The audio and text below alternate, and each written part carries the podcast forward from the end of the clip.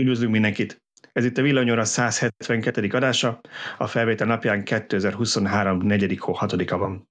Szokásos hármas felállásban vagyunk itt, Antolci Tibor a főszerkesztőnk. Szia Tibor! Sziasztok! És Szűcs Gábor az a Szöcske. Szia Gábor! Sziasztok! Én pedig Bíró Balázs vagyok.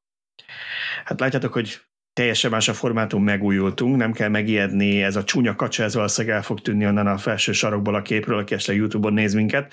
Az történt, hogy az elmúlt héten már poénkodtunk vele, hogy amit régóta használtunk alkalmazást ennek a podcastnak a rögzítésére, az olyan jól sikerült frissítéseket raktak ki, hogy non-stop csak a szívással mert úgyhogy próbálunk váltani egy másikra. Ez most még ilyen próbaverzió, de hogyha nektek is bejön, meg nekünk is bejön, akkor jövő héttől már teljes verzióba fogjuk használni, és eltűnik ez a kacsa is onnan jobbról. Úgyhogy tartsatok ki mellettünk, próbálunk most valami újat, hogy kicsit emeljük a színvonalat, és ne legyen akkor a szívás a felvétel. Na ennyit a műszaki részéről a dolognak. Mielőtt elfelejtem, aki YouTube-on követ minket, az legyen szíves feliratkozni, lájkolni, kommentelni.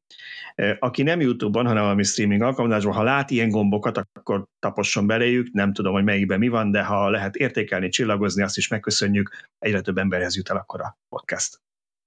Nézzük is, mi mindennel készültünk a mai napra. Tesla szavazás lesz az első témánk, mert hogy lezárták, meg újra megnyitották. A Volkswagen csomó tervéről lerántotta a leplet. Nagyon nem lepődtünk meg, de egy pár érdekesség azért volt. Kressz változások, mikor számíthatunk pillanatos kressz változásokra. Tesla Q1 eladások, erről kicsit beszélgetni fogunk. Tibor tesztelt egy Citroent, osztrákoknál támogatják az otthoni akut, a magyar tűzoltók meg már a villanyautóra is felkészültek. És ha minden igaz, akkor Szöcskének lesz egy rövid update is a x aktájában. Úgyhogy megint jó sok mindent be akartunk pakolni előre szólok, hogy valami 1 óra 50 percünk van a trial üzemmódból, úgyhogy ennyi, ennyi a hard ha limit. Ha eltűnünk egyszer, csak akkor az az volt, hogy lejárt a... Annyi, hogy nem, nem bunkók vagyunk, hogy köszönés nélkül mentünk el, hanem ennyi jutott most. Igen, oda kell, most kérdés, oda kell figyelnem az időre, hogy ne, ne fussunk ki belőle. Úgyhogy ennyi, és aztán meglátjuk, hogy ez hogy jön össze. Na jó, nézzük is akkor, hogy mi az első témája, meg ugye kommenteket is, bocsánat, nem mondtam, kommenteket is fogunk majd, majd a végén beszélni. Szóval kommentekről. Tesla szavazás az első témánk, és akkor szerintem kezdjük is rögtön azzal.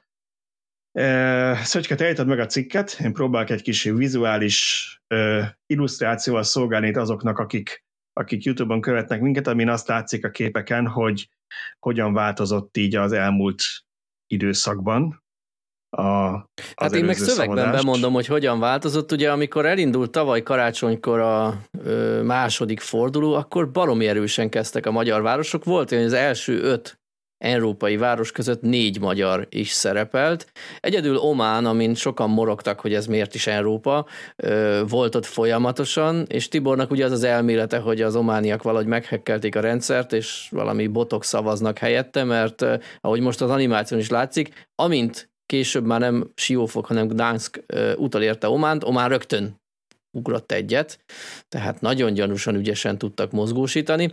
De a lényeg az Magyarország szempontjából, hogy hogy a lengyelek is és a svédek is egy kicsit rágyúrtak a szavazásra, így sajnos az első ötbe csak Siófok tudott benn maradni, és az, hogy a hatodiktól kilencedik hely mind-mind magyar városok, az sajnos nem jelent semmit, mert nem kaptak csillagot. Ugye a Tesla egy ilyen aranyszínű vagy sárga színű csillaggal jelzi a térképen a, a nyerteseket, így már Pécsen és Siófokon is van, van egy-egy csillag. A következő forduló az viszont, ami ugye el is indult azzal, hogy ezt lezárták, az nagyon-nagyon izgalmas és érdekes lesz, Valószínűleg az aktív közösség rengeteg javaslatot adott be, ugyanis nem csak szavazatot lehet leadni, hanem javasolni olyan helyszínt, ami nem szerepel a, a jelöltek listáján. És most az a helyzet, hogy Európában 123 ö, helyszín közül 17 magyar. Aminek tapsolhatnánk és örülhetnénk, de az a baj, hogy szerintem ez, a, ez túl sok. Tehát már a hat helyszínnél is láttuk azt, hogy, hogy Siófok jóval megelőzte a többieket. Itt is simán benne van az, hogy szét fog forgácsolódni a magyar szavazótábor, és lehet, hogy szavaz nem tudom én 5000 ember, de a legjobb városra nem lesz csak 3000 szavazat, amivel majd kicsúszik a a legjobb ötből. Úgyhogy kicsit veszélyben érzem azt, hogy egy harmadik csillagot is elnyerjen Magyarország ebben a fordulóban. Ezért mi próbáltuk is a kapcsolódó cikkünkben biztatni az olvasóinkat, hogy ne, ne osszák szét a 17-re a szavazatot, hanem kiválasztottunk ötöt, ami szerintünk szimpatikus helyszín, és azt kértük, hogy lehetőleg arra szavazzanak, mert ugye minden egyes szavazó öt helyszínre tud X-et tenni. Igen, én, én nem azt mondom, hogy szimpatikus, hanem racionálisnak tűnik inkább, tehát hogy olyan, olyan helyszíneket próbáltunk nézni, ahol van értelme is, meg, meg esélye is annak, hogy oda kerüljön töltő. Úgyhogy érdemes lenne ezekre tényleg koncentrálni a szavazatokat. Hát látszik, hogy volt némi trókodás itt azért a, a helyszínek kiválasztásában, még javaslatában, tehát hogy a, a csorvás meg, meg soly már egyik se olyan átmenő helyszín, ahol nagy tömegek közlekednének Teslával, mégis fölkerültek a térképre, ezek tényleg csak arra jók, hogy gyengítsék az összes többi helyszínt és szavazatokat vonjanak el. Ezektől én azt mondom, hogy ezeket érdemes elkerülni és figyelmen kívül hagyni. Természetesen, hogyha valakinek nem tudom, egy kaposvár az, az életbe vágóan fontos, mert úgy közlekedik a Teslával, az persze bátran szavazzon arra, hát ha, hát, ha bekerül, meg, meg nem is csak az, hogy hát ha bekerül, hanem az, hogy azért ez egy jelzés, minél többen szavaznak az adott helyszínre a Teslának, azért az egy jelzés. Én nekem meggyőződésem, hogy nem csak azon a helyszínen fognak töltőt megvalósítani, ahova csillagok kerülnek, hanem ők látják az összes helyszínt, és a saját terveiknek a megerősítésére szolgálnak ezek a szavazatok. Elsősorban nem arra, hogy, uh, uh, hogy, hogy most csak ott fognak töltőket megvalósítani. Igen, ez jó kérdés, hogy, hogy hogy tervezik ezt, mert abban reménykedtünk, hogy, hogy azért figyelembe veszik, hogy a top 10 európaiban 5 magyar volt, és nem csak az első ötöt nézik meg, aztán azt láttuk, hogy azok a magyar helyszínek, amik Siófok mögött voltak, tehát 6-tól talán 9-ig, abból az első kettő az újra bekerült a szavazásra, ez Szombathely volt és Kecskemét. A harmadik, negyedik innen számolt, tehát ami utána jött kettő, ez a 8-9 az európai listán, az pedig hiába ért el több mint 3000 szavazatot, nem került fel. Úgyhogy attól tartok, hogy ami esetleg az, hogy ami sokat elért kettőt, az újra főrekek többvel nem foglalkoznak, ami azért szomorú, mert ugye ez a kettő helyszínes Szolnok volt, és Békés Csaba, és mind a kettőre azt mondjuk, hogy hát ott a, az M4-es, meg az M44-es környéken ott nagyon-nagyon szükség lenne nagy teljesítményű töltőkre. Nyilván Szolnoknál, meg Békés Csabánál is én most például újra javasoltam ezeket a helyszíneket, én úgy javasoltam őket, ki lehet választani, hogy be kell gépelni, hogy hova szeretnéd, hogy az autópályás számmal írtam, és akkor úgy jött, hogy Szolnok M4 fel is dobta, meg, meg Békés Csaba M44-ig feldobta, tehát nem a városba tervezi szerintem ezeket, hanem a városnál az elkerülő autópályás szakaszon, ami szerintem jó lenne még a városban lakóknak is. Hát Csorvás így elsőre vonzónak tűnhet, hogy végül is az Békés Csaba mellett van, hát legalább akkor lesz ott a környéken, de hát megnéztem, az M44-ről az irányonként 24 km kerül. Na most ki fog 50 kilométert oda-vissza autózni? Az, egy, az, az csak egy trollkodás, tehát az, az nem egy... Nem egy Most egy trollkodás, hogy valaki úgy döntött, hogy, hogy fölrakja oda, mert ott lakik, és akkor a békés csabajok ráugrottak, hogy ne akar a környékünkön is legyen. Ez. Ennek csak ez a, ennek ez a veszélye, hogy ugye, ahogy mondod, szétforgácsodnak a szavazatok. Igen.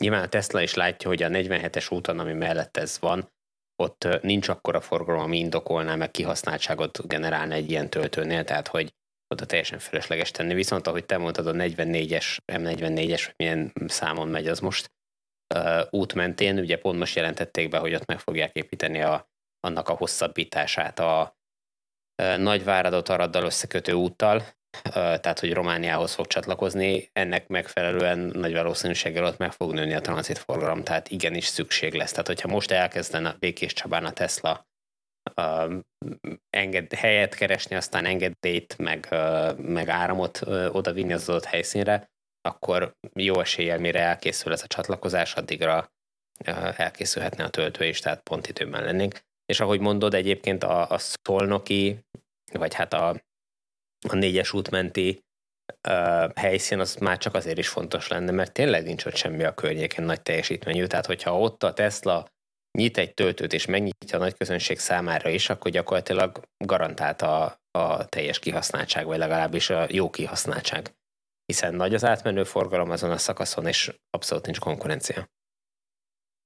Igen, ez csak egy én tavaly nyáron voltam, jó, hát nem járok erre sokat, de voltam egy ismerőstél Szolnok közelében, és úgy döntöttem, hogy visszafelé akarok akkor valahol tölteni, biztos, biztosan elérjek haza, és hát csak ez a Röfi Csárda nevű történet van, szerintem az a TEA hálózathoz tartozik, ami tök jó, hogy van, mert rajtuk kívül tényleg semmi nincs, tehát köszönjük, hogy ők leraktak oda egy töltőt. Ez egy 50-es töltő, ami a Tesláknak különösen fáj, mert ilyen 37-38-al tölt, de már járt úgy ismerősöm, hogy ott akar tölteni, és várnia kellett, mert valaki más töltött, mert igazából ez egy helyszín van, ha nem mész be a városba, és ott nem valami utcai töltőre rakod a kocsidat, úgyhogy ide nagyon nagy szükség lenne. Most nem azt jelenti, hogy a Teslának kell megoldani egy szemében a magyar töltőhálózat problémáját, de ahogy Tibor is mondja, az biztos, hogy itt mások is szívesen töltenének, nem csak teszlások.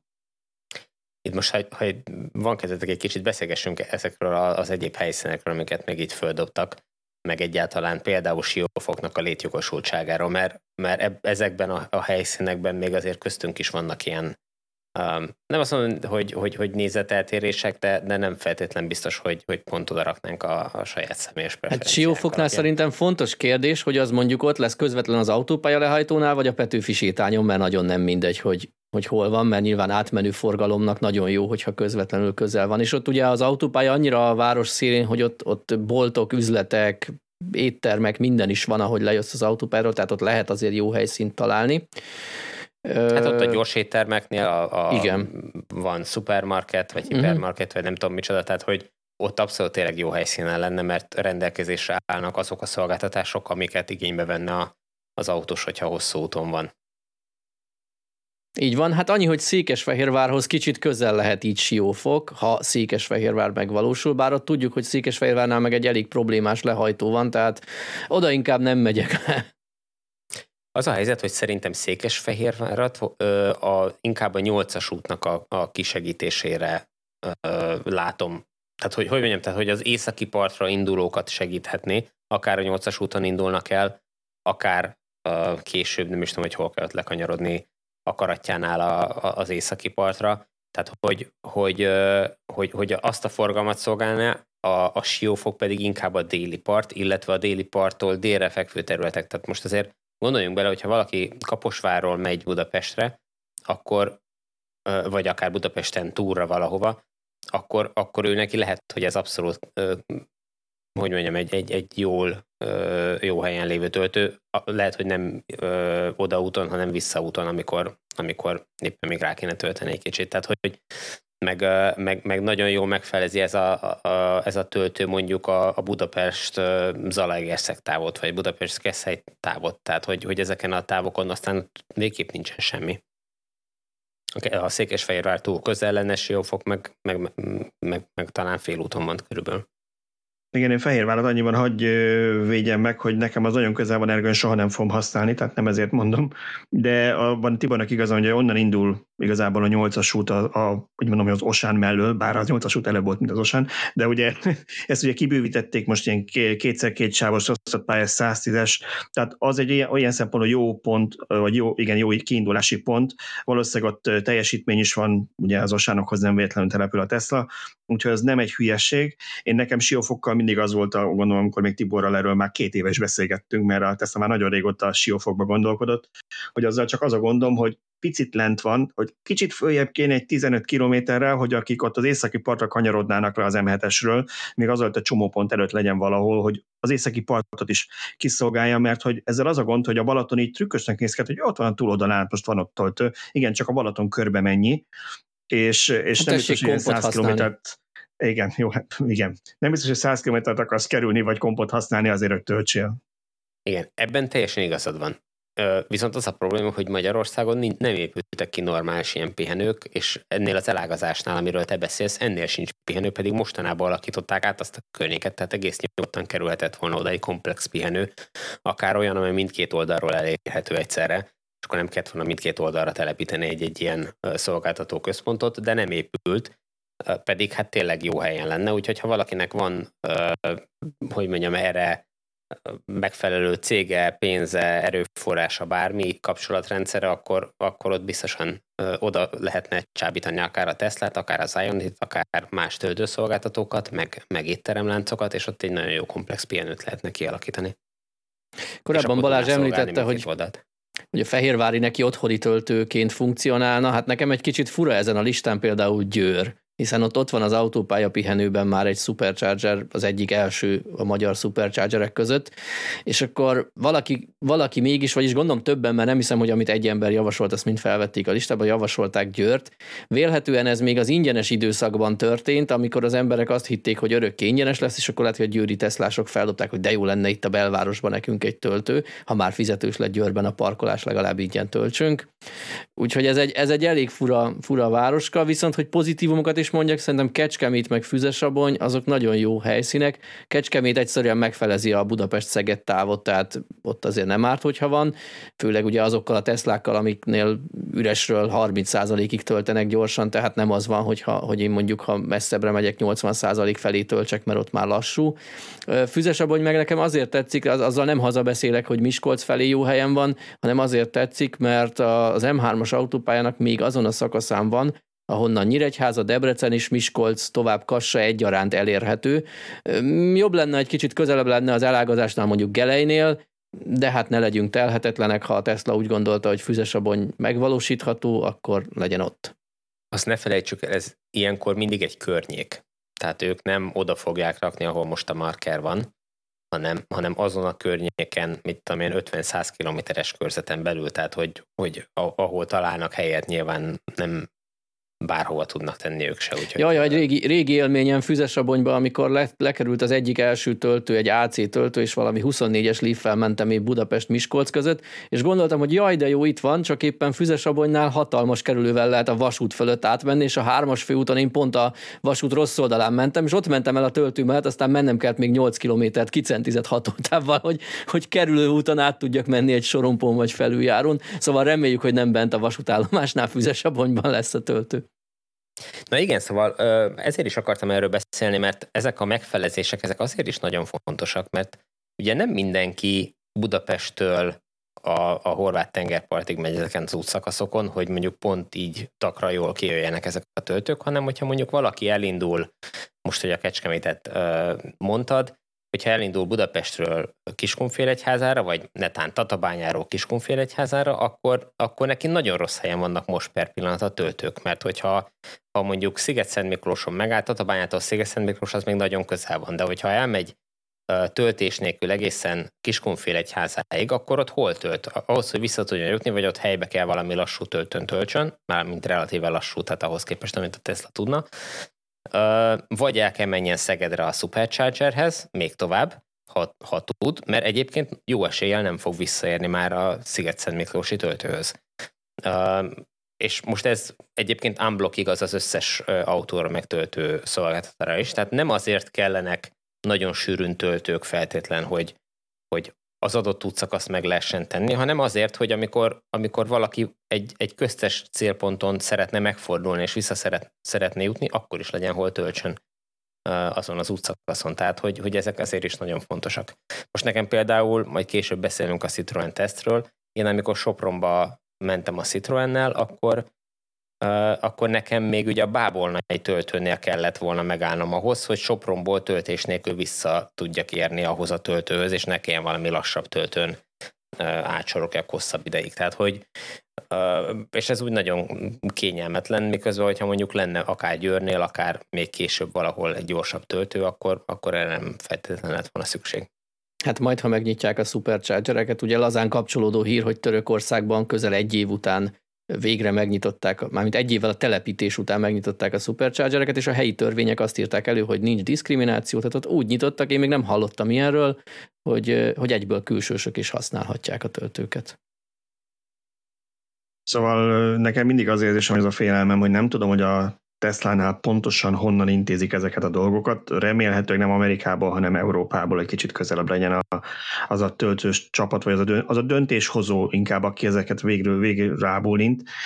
De ugye azért az országot mindig az országban élők ismerik a legjobban. Ennek a crowdsourcing megvan ez előnye, hogy, hogy így bele tudunk szólni. A hátrány az, hogyha nagyon sok az opció, akkor szétforgácsolódik. Ugye az a gond, hogyha így ránézel külföldről Magyarország térképére, hát mit látsz ország Hát ott vannak egymás szájában ezek a pöttyök. Most Hévíz mellett Zalagerszeg mind a kettőre külön, vagy hát ott van, hogy ha, ha megcsinálják szombathelyet, akkor végül is minek már Hévízre át lehet ugrani idézőjelesen. Csak hát ugye itt nem autópályákról beszélünk a települések között, meg nem mindegy, hogy neked mondjuk oda-vissza 50 kilométeres kitérőt, vagy 100 kilométert esetleg kétszer 50-et meg kell tenned. Tehát, hogy, hogy az a problémám, hogy amikor egymás mellett van mondjuk Szexárd meg Paks, mind a kettőben látom a fantáziát, én tudom, hogy ezt most, most nem javasoltuk, nem szeretnék eltérni a szerkesztőségi állásponttól, de én a kettő közül azért favorizáltam annó Paksot, mert az M6-osnál aztán tényleg semmi nincs. Az ember azt gondolná, hogy talán ott nem probléma a teljesítmény közel az erőműhöz, mert nem csak az erőmű miatt nyilván, hanem hogy ott akkor nagyobb elosztó központok lehetnek, meg, meg azt meg lehet könnyen oldani és az M6-osnál semmi nincs, Szexárdal az a gondom, hogy ránézek, hát ha Pécsre raktunk hegyet, most akkor rakjunk Szexárdra, és az nekik olyan közelnek tűnik. Mi tudjuk, hogy nem ártana mind a kettőre, de hát nem fogod ezt nyilván mind a kettőre telepíteni most elsőként, vagy az első körbe, de nyilván azért ők is pontosan látják, hogy hol vannak gyorsforgalmi útszakaszok, ráadásul azt is látják, hogy hol közlekednek az autóik. Sőt, most, Tehát... hogy megjelentek a külsős töltők a Teslák térképén, azt is látják, hogy hol töltenek. Tehát, hogyha azt fogják látni a rendszerükben, hogy nem tudom én, Paksnál egy lassú, viszonylag lassú, tehát mondjuk egy 50 kW-os töltőn folyamatosan Teslások töltenek, akkor az egy elég komoly jelzés, hogy oda gyorsabb töltő kellene. Abszolút, így van. Így és mi gondoljuk túl, hogy ilyen szinten elemzik át tényleg? Hát nem biztos, hogy ellenőrzi, ha nem ellenőrzik, akkor az, az elég nagy hülyeség a Tesla részéről. Jó, hát mondjuk az én Model X javításomnál láttuk, hogy nem elemeznek annyit, amennyit tudnának. De ez majd Jó, egy arról még úgyis beszélünk, igen. Jó, akkor szerintem térjünk át a következő, következő témánkra, ami Volkswagen, csak egy kicsit Volkswagen ezünk, múltkor már Volkswagen eztünk, de nem állt egy kicsit a Volkswagen csoportról megint beszélnünk.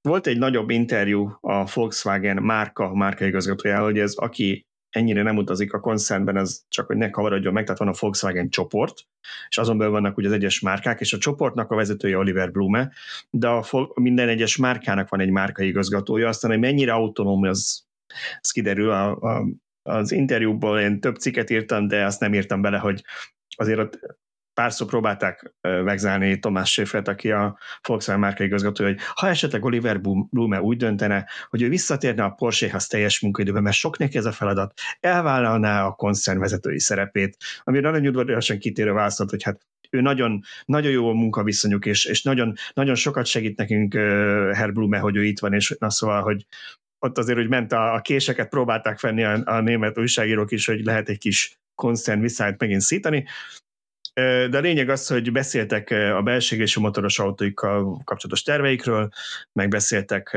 arról is, hogy mi lesz az e-appal, úgyhogy gondoltam erről kicsit mi is mi is diskuráljunk. Kezdeném azzal, hogy mi van a belség és a motoros autóikkal, ami szerintem azért érdekes téma, mert ugye hát volt ez a 2035-ös szavazás, ahol ami után hallottunk megint csak a német automobil tollából, hogy ők iparági forrásokat megkérdeztek, akik anonimak, és hogy mindenki azt mondta, hogy nem, nem, nem változik semmi, de hivatalosan úgy nagyon nem adott ki senki közleményt. És most ebben az interjúban ténylegesen eh, Tomás Schäfer, a Volkswagen márka márka igazgatója mondta azt, hogy nem változtak a terveik. Eh, sőt, azt is elárulta, hogy a 2025-re tervezett eh, Volkswagen T-Roc új generáció lesz az utolsó új belségési motoros generációjuk. Mi erről a vélemény? Hát számomra meglepő, hogy még mindig foznak ki új belségési motoros autót, de nyilván ennek az az oka, hogy ezek már a csőben voltak egy ideje, tehát nyilván nem fognak lelőni egy olyan fejlesztést, amire már egy csomó pénzt rákötöttek, és még azért látják, hogy valószínűleg ezeket el lehet adni. Nyilván kiszámolták az Excel táblában, hogy, hogy minek van realitása, meg minek nem. Itt én megint csak azt érzem, hogy, hogy, hogy túlságosan pessimisták, nem, nem mernek elég bátran elrugaszkodni, és azt mondani, hogy, hogy megyünk előre. Most pont talán nem írtuk meg, de a napokban volt uh, hír a Volvo-nak és a negyedéves adatairól, hogy talán egy MTI közleménybe jött ki, vagy nem is tudom, hogy hogy, hogy Hát elő kéne venni, hogy, hogy, hogy pontosan mit értek, de Ö, nagyon... Igen, ezt én, ezt én is néztem, 41% a tölthető autók aránya. Igen, és 20, 20 százalék volt, a, vagy 20 körül volt a tisztán, a tisztán elektromos. elektromos. Tehát, hogy, igen. tehát hogy, hogy brutálisan magas egy olyan gyártónál, amelyiknek kettő modellje van, talán tisztán elektromos per pillanat? Tehát, hogy nem, igen, is, nem is arról van szó, hogy... Igen, igen, de azt is tudjátok, hogy a Volvo azért egy magasabb árkategóriában játszik, mint a Volkswagen csoport, és nekik ott azért könnyebb volt azt mondani, hogy ők már a prémiumra ráfordulva, ott elfér az árban a felár, azt én megértem, hogyha a Volkswagennek, ugye azt mondták ebbe az interjúban, hogy hát azért nekik még pénzt kell keresni a belső és a motoros autókkal az elektromos átállás finanszírozásához. Nyilván ez, ez De szerintem ez, ez, ez, ez egy rossz, rossz irány, hogy ezt nézzük, mert itt arról van szó, hogy a Volvo-nál ebből a kettő típusból el tudtak adni tehát ez a két típus teszi ki az összes eladásaiknak a, az egy ötödét, a 20 százalékát. Mondjuk, most nem tudom pontos az adatot, de mondjuk tegyük így, hogy, hogy körülbelül ezt a, ezt a nagyságrendet. Tehát, hogyha, és, és azt feltételezem, hogy ha mindegyik méretből, meg mindegyik formából kínálnának tisztán elektromosat, akkor ez sokkal-sokkal magasabb lenne. Ergo nagyon jól látszik, hogy az igény megvan ezekre az autókra. Egyszerűen most per pillanat a kínálat korlátozza le azt, hogy mennyit ad el a Volkswagen is. Tehát, hogyha Volkswagen és gyártanának, a... akkor... Volkswagen és a Volvo eladások között egy nagyságrendi különbség van. Számban. Ez világos, de, de ettől szerintem ez teljesen független. Tehát az hát ez olyan, hogy a Volkswagen ezt megcsinálhatná az Audival, az Audival ugye ott, végülis ott tervezték a leghamarabb a váltás, bár most már úgy érzem, hogy kb. ugyanaz lesz, mint a másik márkáknál, ami logikus is, mert ritka szerintem, hogy csak az Audi-nak fejlesztenek motort, és ezt a konszerve senki más nem használja, ha más nem a Porsche-val közösködnek valami nagyon, nagyon erős autóhoz, de a lényeg az, hogy, hogy hogy alapvetően megcsinálták mondjuk egy ilyen prémium márkával. Én most ezért túlzottan nem rúgdostam a Volkswagen-t, mert nem azt mondták, hogy hát akkor még 30-ban, ha azt mondták, hogy még 30-ban, meg 32-ben még bemutatunk új típusokat, úgyis csak 33-tól terveztük, annak nem lenne értelme. 25, ha belegondolsz, az az ő saját váltási tervükhöz képest 7 év. Aztán lehet, hogy az élet az lesz, hogy azt látják, hogy úgy futnak fel a számok, és újra kell tervezniük, hogy a végén nem fog 7 évet futni az a modell, amit 25-ben bemutatnak, és és majd valami veszteséget lekérnünk a végén, mert ugye nyilván ők akkor kiszámolják, hogy elköltünk egy milliárd eurót erre a bevezetésre, ez x év alatt térül meg, aztán, hogyha 30-ba le kell a gyártását, mert a kutya nem keresi, akkor újra tervezés van, meg más kell a, a könyvelésbe. De, de önmagában az, hogy 25-ben mutatják be, én ezt pozitívnak veszem, mert azt jelenti, hogy ténylegesen a Volkswagen csoport Európa legnagyobb autógyártója, a világ másik legnagyobb autógyártója darabszámban 25 után nem fog fejleszteni ilyen motorokat. Persze lehet egy-egy ráncfelvarrás, ráncfelvarrás jön, meg az Euró 7 még itt befolyásolhatja a dolgokat, ha arra jobban fel kell készülni, de szerint én ezt pozitívnak értékeltem. Ez, ez kétségtelen, hogy, hogy jó az irány, csak szerintem a, a, a lendület nem elég nagy. Tehát sokkal jobban járnának, hogyha teljes messzélességgel ráfeküdnének a, az elektromos autógyártásra, és sokkal nagyobb darabszámokat terveznének be, akkor nyilván a tervezési költségek sokkal nagyobb darabszámok között oszlanának szét, a gyártás sokkal nagyobb mennyiségre lehetne felskálázni, nyilván olcsóbb lehetne, tehát minden, minden ebbe az irányba hat, és már, már most vagy sokkal hamarabb el lehetne érni azt az árszintet, ami mellett ezek az autók tényleg el is adhatók.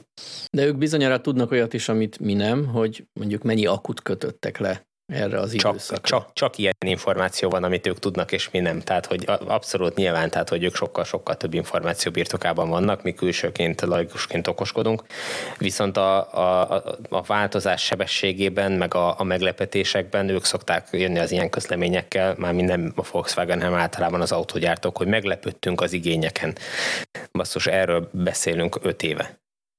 Azért azt hozzá kell tenni, hogy amit te hiányolsz, hogy egy nagyobb lendülettel meg teljesen feküdjenek erre rá. Volt ilyen, úgy hívták, hogy Herberdis, aztán azok a kések csak előkerültek így a cégen belül, és szegényt úgy, úgy kivágták onnan, hogy mondjuk egy hatalmas nagy aranyszínű eltörnyő kísérletében, tehát élete végéig múltkor néztem, hogy évente hány millió euró nyugdíjat kap, tehát te, a volkswagen úgyhogy azért nem került sajnálni, meg most egyébként beült egy másik cégnek Ez a nem a pénzről szól. tanácsába. Igen. Nem, nyilván, nyilván, de ugye most még igazából a terveit is felül, tehát nem csak arról volt szó, hogy hát akkor herdísz lecseréljük, de a tervek jók. Ha megnézed, tulajdonképpen elkasszálták a Trinity gyárat, hivatalosan nem mondták ki, de hát a koncernvezető meg a márkavezető is azt mondta, hogy ők nem preferálják. Most akkor mi lesz a döntés? Izguljunk mindannyian, amik bejelentik. Ez egyik. A másik az, hogy ugye át más design tervet, vagy más design irányt szabtak meg az autóknak, hogy legyenek hagyományosabb Volkswagen formájúak, ne az újfajta, amit a, a díszék kitaláltak, még a tervezőt is leváltották, a főtervezőt. Úgyhogy nekem nagyon úgy tűnik, sőt, a nevezés is lehet, még az elnevezéseket is lehet átállítják ID Golfra az ID számozásból. Úgyhogy nekem nagyon Mondjuk úgy tűnik, hogy, hogy kitörlik teljesen dísznek a munkásságát, nem akarnak ők ekkora sebességgel ráfordulni. Most képzeljétek el, hogyha ugyanez, meg, ugyanez történt volna száz évvel ezelőtt, vagy 120 évvel ezelőtt, amikor a rovaskocsiból kezdtek ilyen, ilyen motoros járművek lenni, akkor szépen lassan megjelentek azok a formák, amik uh, ilyen újszerűek voltak, karosszériát adtak az autónak, és aztán jött van egy új vezetés, és azt mondta, hogy nem, vissza kell állni a klasszikus hintó jelleghez, mert azt, azt jobban veszik, az a, az a mi imidzsünk, az, az jobban élik. Hát most hintokban járnánk. Fél, ez nagyon fancy lenne, ha vele gondolsz. Ja, ja, ja. Jó, szóval ez volt a, a belső égésű motoros kapcsán, de akkor beszéljünk kicsit még így a Golfról, mert a Golf azért ez egy nagyon fontos típus, hát Európa legnagyobb darab számban adott autója volt nagyon sokáig, tavaly top 5 volt még mindig, és ugye most van a Golfnak a nyolcadik generáció, és azt mondták, hogy nem lesz több benzines Golf, ezt most Tomás Schäfer mondta, hogy a most a nyolcadik generáció az utolsó, ami belső égésű motoros, a következő, az pedig, az pedig már nem az lesz. Valószínű, hogy ID Golf néven ezt így nem mondtak ide, ezek voltak korábban a plegykák. Valahova ez az új ID2 és ID3 közé férne be, és, és olyan 28 környékére várják. Nagyon érdekes, hogy azt mondta, hogy meg akarják várni vele az új SSP platformot, tehát ez nem az MEB-re vagy az MEB Plus-ra épülne, hanem az új fejlesztésre, amire, amire, amire a Trinity is épül. És vajon akkor eltűnik az ID3? Na, na ez egy jó kérdés, mert ők azt mondják, hogy, hogy ugye régen mi volt a hivatalos kommunikáció a Volkswagennek, amit igyekeznek a történelemből most utólag kiradírozni, hogy hát az ID3 az új Golf, ugye?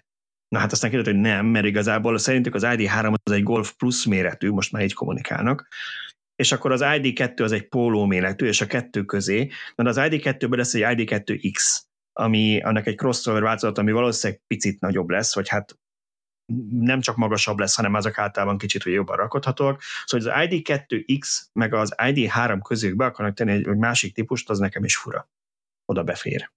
Hát pont ellentétesen ugye... haladnak a Tesla, aki azt mondja, hogy nagyon kevés modellel próbálja a kínálatot lefedni, a Volkswagen meg három centivel kisebb, nagyobb autókat gyárt, ami, ami lehet, hogy jó a vevőknek, hogy mindenki megtalálja a maga ízlésének valót, Érted, ha egy kicsit szűkebb a garázsod, mert betettél egy újabb szekrényt, akkor tudsz kisebb autót venni, hogy tutira beférjen, nem kell a szekrényt lecserélni.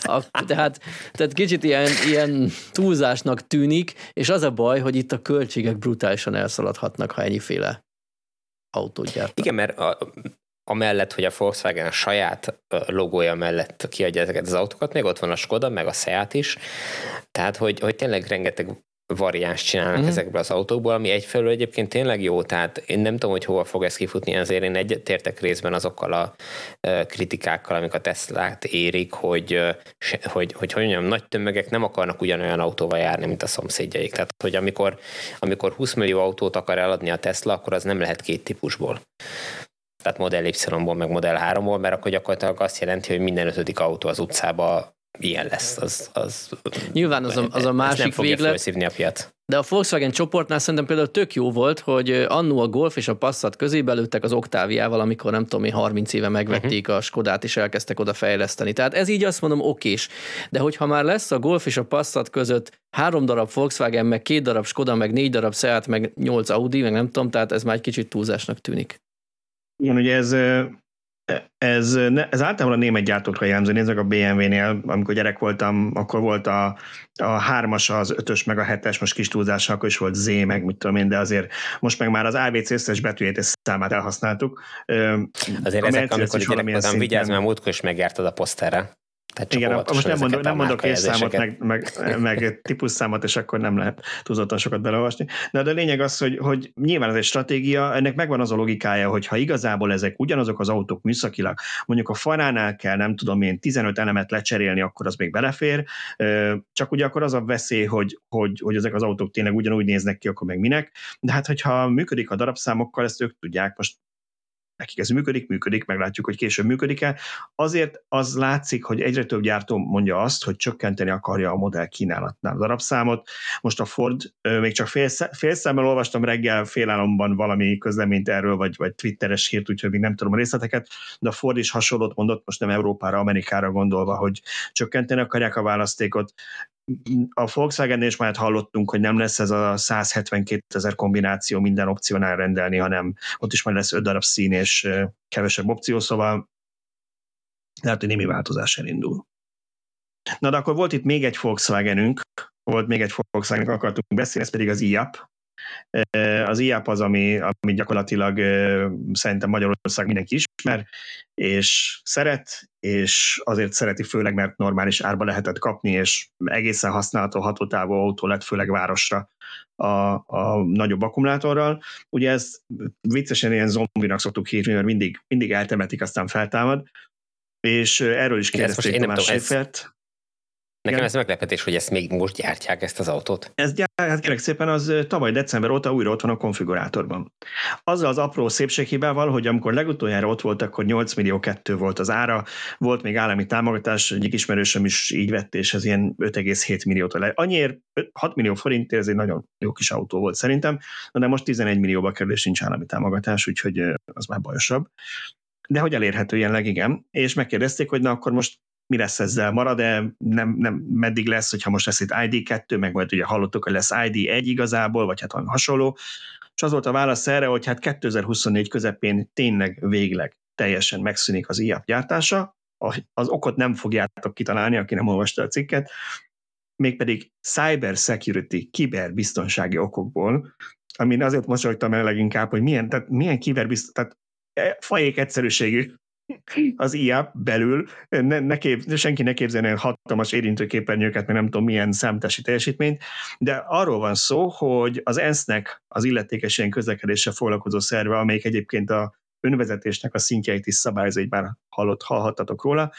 Ők azt is fejükbe vették, hogy megszabják, hogy 2024 közepétől minden gyártónak garantálnia kell az autó teljes életciklusára, jelentsen ez bármit, a kiberbiztonságát az autónak, és 70 pontot megjelöltek, amit védeni kell szoftveresen, ami azt jelenti, hogy ezt frissítgetni kell folyamatosan, és a Volkswagen úgy döntött, hogy neki ezt már nem éri meg. Egy IAP-nak az elektronikáját, hát, gyakorlatilag azt mondták, azt mondták, hogy új, új elektronikát kellene hozzá fejleszteni, amire már nem fognak vállalkozni, úgyhogy meg kell szüntetniük a gyártását jövő év közepén.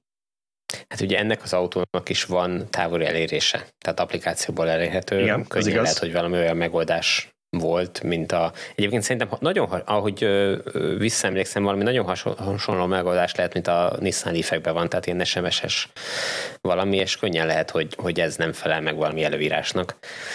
Ami érdekes lesz, hogy majd akkor ez hogy érinti például a Nissan Leaf-et, amihez szintén nem nyúltak az elmúlt 10-12 évben semmit, úgyhogy lehet, hogy ennek a gyártása is meg kell szűnjön emiatt.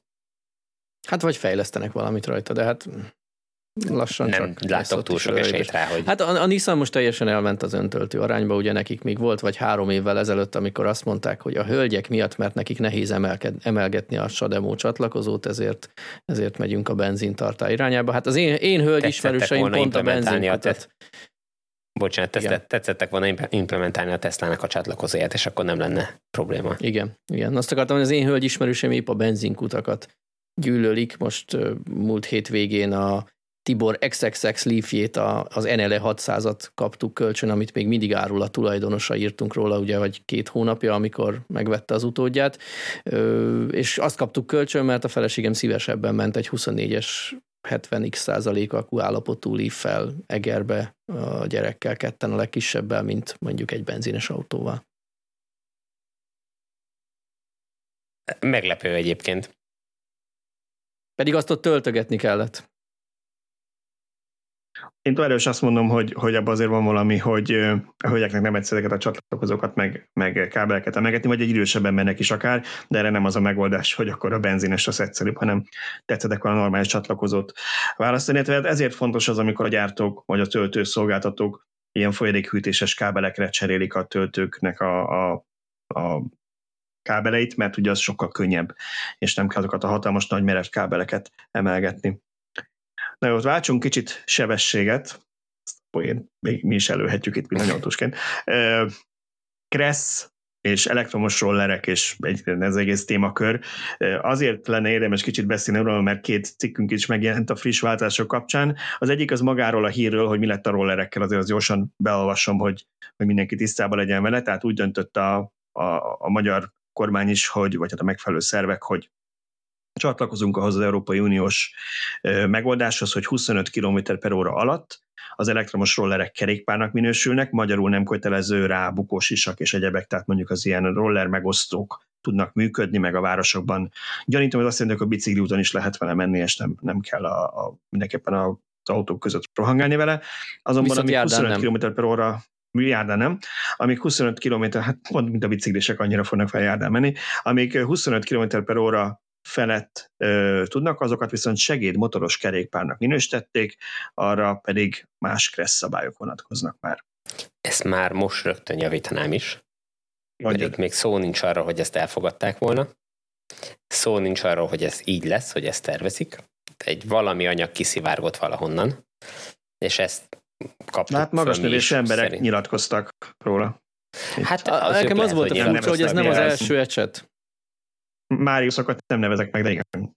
Ugyan, ugyanez a téma már vagy háromszor az elmúlt három évben előjött. Hát mint ahogy a zöld rendszámok a plugin hibridtől való elvevése is, és azokból se lett semmi. Tehát, hogy én azért nem kezelném ezt tényként egyelőre, ez egy kiszivárogtatott, vagy, vagy, vagy nem is tudom, földobott labda, vagy, vagy állóvízbe bedobott kő, nevezzük, aminek akarjuk. Szó nincs róla, hogy itt ez tényleg így is fog megvalósulni. Elképzelhető, hogy igen, nem állítom, hogy nem, de, de erről most nyilván lehet beszélni, hogy ez most mennyire jó vagy nem jó. De, de még itt ezt tényként, mint, mint elfogadott döntés nem szabad kezelni. Szóval akkor ezzel a ilyen kis csillagos legal disclaimer hogy az amerikaiak mondják, hogy ne rajtunk keresen kell szabályt, ez jelenleg a terv, és természetesen gondolom, hogy erről nem tudom én, a parlamentnek szavazni kell, pártoknak egyeztetni kell, lehet, hogy nemzeti konzultáció lesz róla, mielőtt valamelyik éjszaka éjfélkor életbelépés valaki egy perc alatt megszavazza, úgyhogy így most virtuálisan megsimogatom Tibornak a, a naiv kis buksiját. Szóval nem ez lesz, nem ez lesz, csak valószínűleg valami hasonlót akarnak, de nem is ez volt, ami, ami miatt ezt igazán fölkaptuk, hanem azt nehezményezte egy írású megmondom ki, nehez, oh, Szöcske nehezményez, hogy a Szöcske majd mesél róla, hogy erre bezzeg van eszük, most fordítok, de hogy már évek óta várjuk, hogy az autós, az elektromos autós Kressz módosító, vagy hát az elektromos autókkal foglalkozzanak Kressz, ami nem történt meg, bezzeg, és a bezzeg ország Szlovákia, most Szlovákiában igen. Mesélnek Így van. Erről, Ugye a villanyautósok.hu, az Elmob, Balázs egy konferencián rengetegen elővették már ezt a témát, hogy a kreszbe, a magyar kreszbe bele kellene emelni az elektromos autó töltő helyekre vonatkozó táblákat, piktogramokat, ezt szabványosítani, mert ugye rengeteg probléma van ebből. Például az autópályán az 1000 km hatótávú dízelnek ki van írva, hogy ha itt nem megy ki tankolni, akkor 27 vagy 38 kilométerre lesz következő lehetősége, de az elektromos autótöltőknek a 100 kilométeres hatótávhoz ez nincs, nincs kiírva.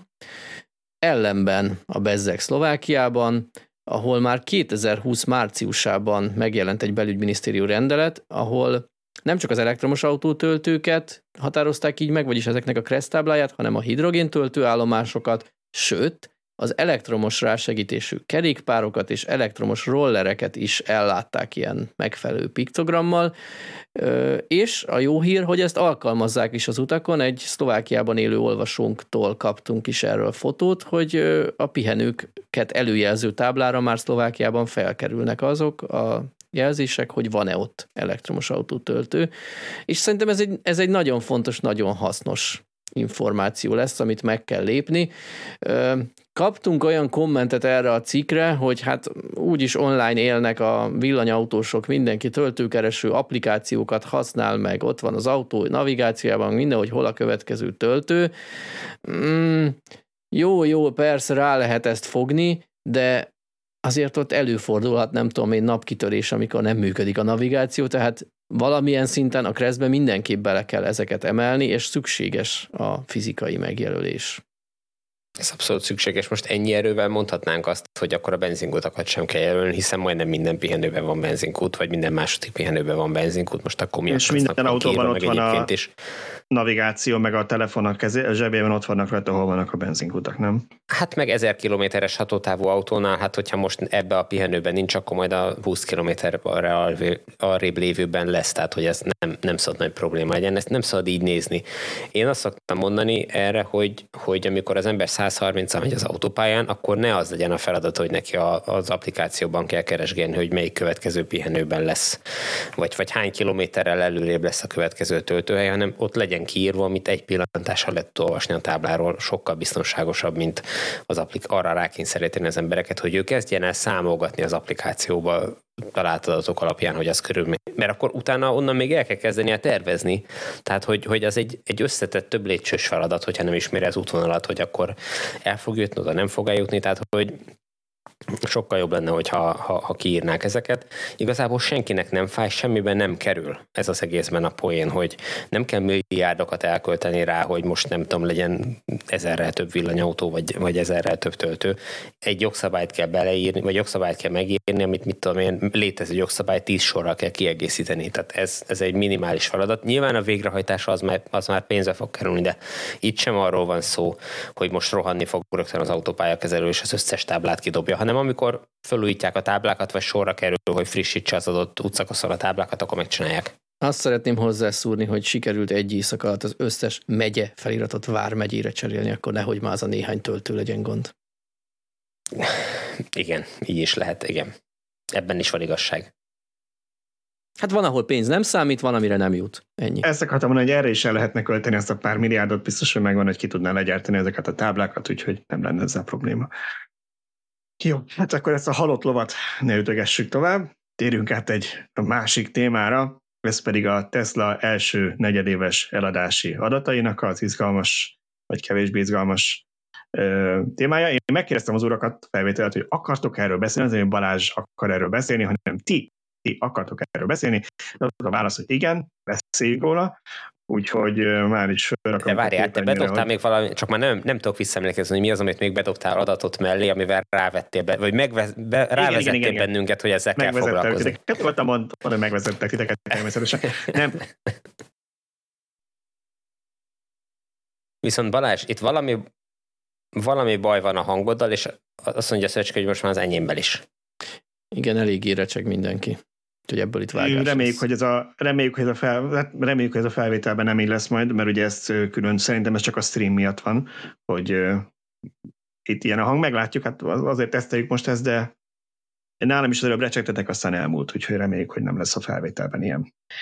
Ja, uh, szóval, igen, ez nem, nem megyek be részleteibe, de megint ugyanaz a problémánk, mint szokott lenni, hogy ezek a remek stream, streaming applikációk a tényleg ilyen atomerőmű erősségű gépeket is leterhelik annyira, hogy amiatt recsek, de reméljük a felvétel jó lesz. Szóval, vagy, vagy Balázs nagyon fog, sokat fog szívni a vágásnál. Szóval visszatérve ezekre az eladási számokra, aki a képernyőn nézi YouTube-on, az látja, de mindenki mások is elmondjuk, hogy gyakorlatilag ugye ezeket általában érdemes az előző év ugyanazon időszakához viszonyítani, mert hogy ugye mindig vonzó, hogy az előző negyedévhez viszonyítsuk, de eléggé ciklikus az autópiac, tipikusan az év eleje sokkal gyengébb, és az év vége meg a legerősebb. Úgyhogy itt tavaly ugyanekkor 310 ezer autót adott el a Tesla, most pedig 422 ezeret, ami valami 30-40 százalék körüli növekedés volt. Ez, a, ez maga a fő hír, ami önmagában talán annyira nem izgalmas, mert már aki akart elolvasta a cikket. Ami, ami nekem szemet szúrt, és megvártam, hogy bejönnek az adatok, hogy mondjuk mekkora volt a növekedés Európában, hogy most mindenki azt várja, hogy vajon ez az árcsökkentés ez meghozta a hatását, ami nem csak olyan értelemben, én legalábbis nem csak olyan értelemben nézem, hogy most több autót adnak el miatta, hanem ugye az árcsökkentés azért is volt, mert világgazdaság lassult, egyre kevésbé akartak az emberek autót venni, már Kínában látjuk jó pár nagy márkánál, például a BYD-nál sokkal kevesebb irányt adottak el most, mint a Tesla teljesen elektromosat, hogyha arról beszélünk csak, tehát nőtt a távolság a két márka között, most már második negyed évben. Tehát azért ott is látszik ez a lassulás, és ezért volt fontos, hogy most a Tesla-nál is visszaesés lesz, vagy pedig legalább egy kis növekedés. De a lényeg az, hogy Európára megnéztem, bejöttek az adatok, majd erről lesz egy külön cikkünk. Az EU-ban 56%-kal nőttek a Tesla eladásai az előző év ugyanén időszakához képest. 92 ezer körüli autót adtak el, ami majdnem megdöntötte az előző negyedéves 94 ezeres rekordot. És igazából két országban csökkentek, szerintem briteknél volt olyan változása a évközben ugye tavaly évelején még volt nekik támogatás, aztán évközben megszüntették, úgyhogy ez valószínűleg ez magyarázza, de a többi országban viszont 43 és 700 százalék közötti növekedés volt. Németország, Franciaország, nagy piacok ott is 40-50 százalékos volt a növekedés. Hát ö, igen, itt a nagy kérdés az lesz, hogy mennyi pénzt lehet így keresni.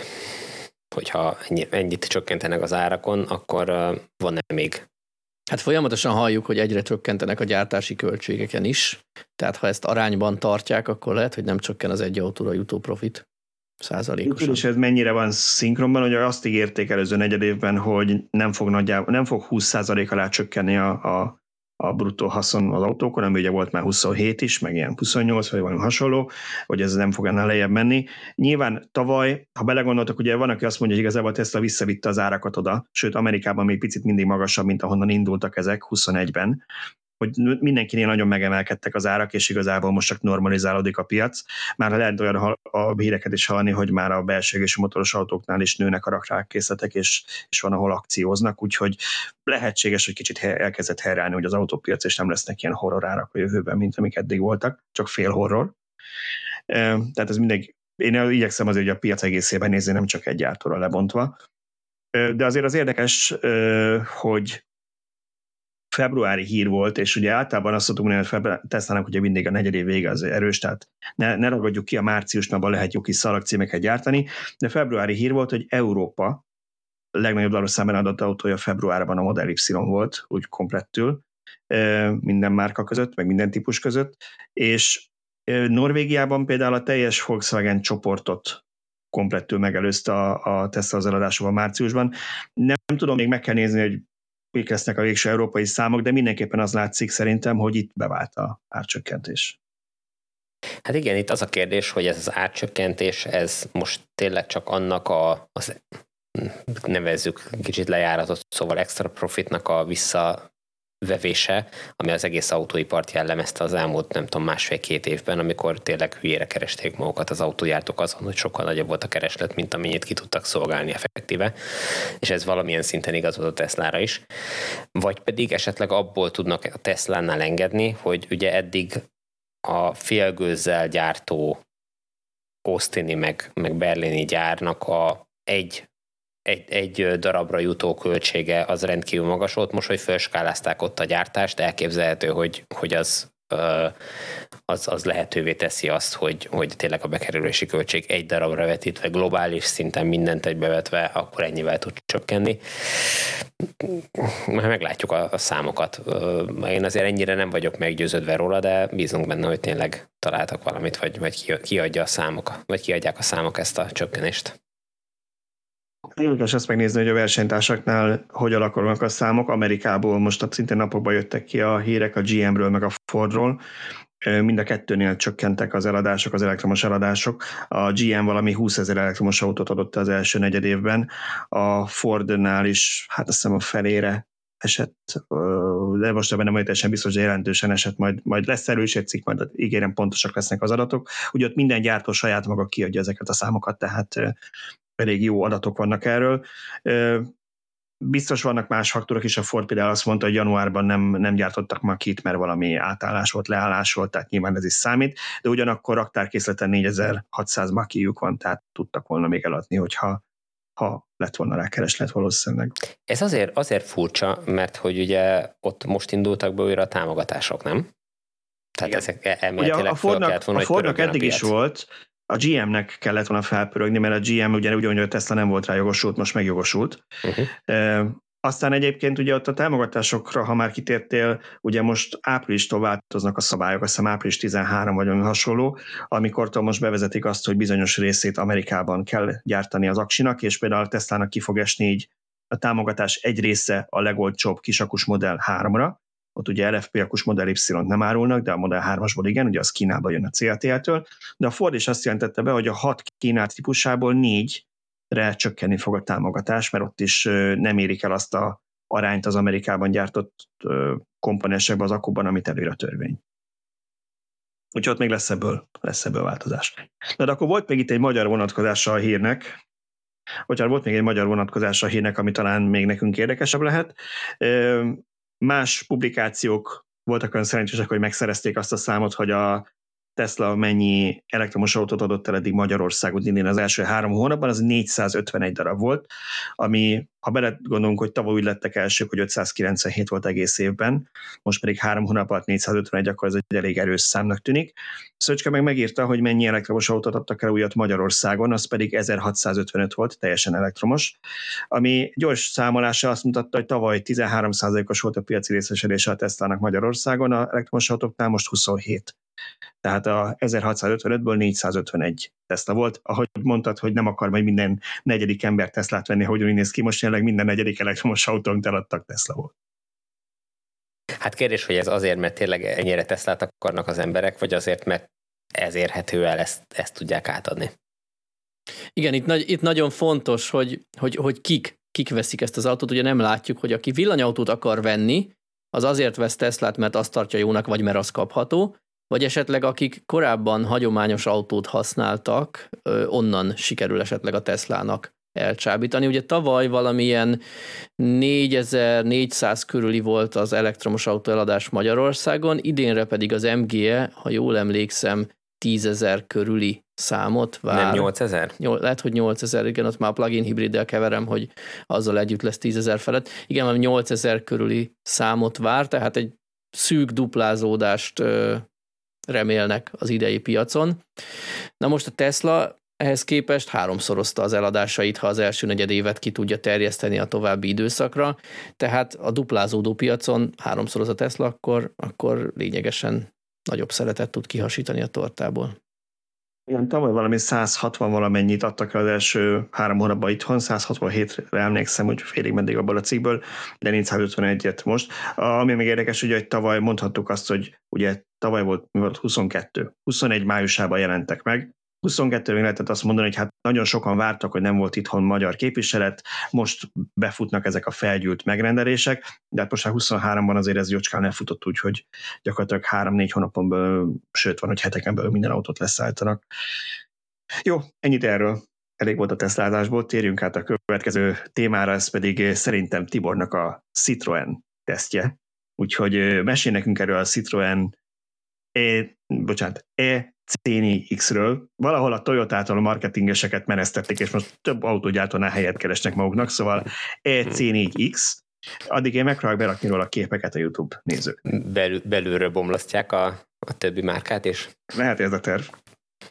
Nem tudom, tényleg egyébként ez a nevezéktan, ez egy, ez egy nagyon furcsa dolog lett. Ugye minden autógyártó próbálja valahogy megkülönböztetni a, az elektromos autóit valami egyedi elnevezéssel, ott van az ID, ott van a, a Citroennél ez az E előtag, a BMW-nél is az I előtag, tehát hogy, hogy mindenütt megjelennek ezek, miközben az egyetlen feladat az lenne, hogy fogják és berakják a, a jól ismert márkák, vagy, vagy márkanevek mögé az elektromos hajtást, és, és eladhatnák abszolút egyszerűen a, az egészet, nem kéne ezt túl variálni.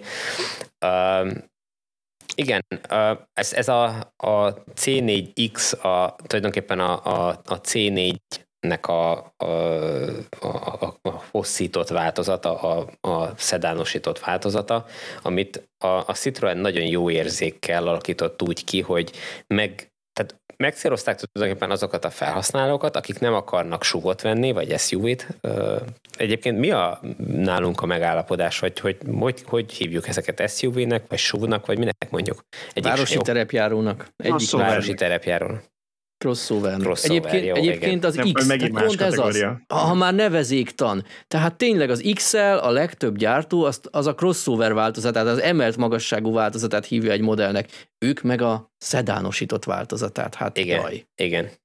Na de hát ugye ez egy eleve magasított változat, egy megemelt változatú autó. Tehát a, a C4 is már egy, egy emelt autó. Ha megnézitek, hogy, hogy mik a testvérei ennek a, a, a PSA koncernél, akkor látszik, hogy ez azok közül egy kicsit ilyen megemelt valamit. Igen, és bár nagy... pont, pont egy kicsit talán alacsonyabb, nem, mint a Mokka és, és egyéb társai Stellantis csoporton Hát belül. inkább hosszabb szerintem. Lehet, hogy csak hosszabb, nem, nem laposabb. És akkor ugye az arányai kicsit máshogy adódnak ki, de mindegy lényegtelen is. Szerintem nagyon-nagyon jó érzékkel nyúltak itt a formákhoz, és nagyon jól rakták össze ezt a csomagot, mert olyan, tehát azokat célozzák meg, akik korábban ugye szedán vásárlók voltak, de most már azért húznának a divatosabb suv felé, de hát azért mégis ciki nagy batár akármivel járni.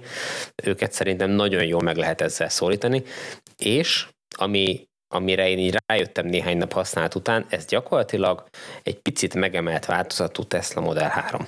Most ezzel lehet, hogy sokan vitatkoznak, de, de hogyha ha egymás mellé állítunk egy, egy Teslát meg ezt az autót, akkor, akkor nagyon-nagyon hasonló a, a, az egész forma, meg ahogy, ahogy kinéz, és a, a, a csúcs ennek a hasonlóságnak az, hogy ugye a Tesla Model 3-nál is a legnagyobb kritika az, hogy nem nyílik a hátsó üveg, hanem csak egy nagyon kis szűk nyíláson kell bepakolni a, a csomagokat a csomagtartóba, ugyanez van itt ennél az autónál is, tehát ugyanúgy. Hogy, hagy jegyezzek meg itt valamit, mert ezt az eszmemutatást már én többször hallgattam Szöcskétől is, meg tőled is. És itt szeretnék most én helyreigazítani a nálam okay. tapasztaltabb szakembereket. Tehát ez nem hiba, jó, tehát, hogy amikor, amikor azt mondod, hogy egy kombinak miért van ilyen nagy puttonya, az sem hiba, azért kombi. Ugye ezek szedánok. A szedán az négy ajtós hivatalosan, nem öt ajtós, nem nyílik a hátsó üvege, az öt ajtós az, aminek nyílik. Tehát eh, persze sokkal jobb lenne, ha a Model nyílna, meg ennek is praktikusabb lenne, de ez a szedán, nem tudom én, eh, mi az típusnak, vagy a szedán formának, ez a sajátossága, hogy négy ajtós.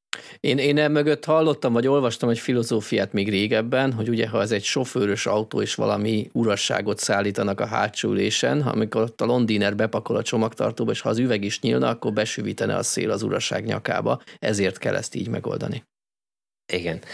Uh, egy, tehát teljesen igazad van, ez uh, nyilván szándékosan van így, meg, meg ez, ez egy klasszikus forma, klasszikus kialakítás, és régen ezzel nem is volt probléma. Ezzel azóta van probléma, amióta a hátsó üvegek ennyire ellaposodtak, ezeknél az autóknál, és ennyire hátra nyúlnak, és gyakorlatilag ezeknek a csomagtartóknak nincs vízszintes túlnyúlások fölül.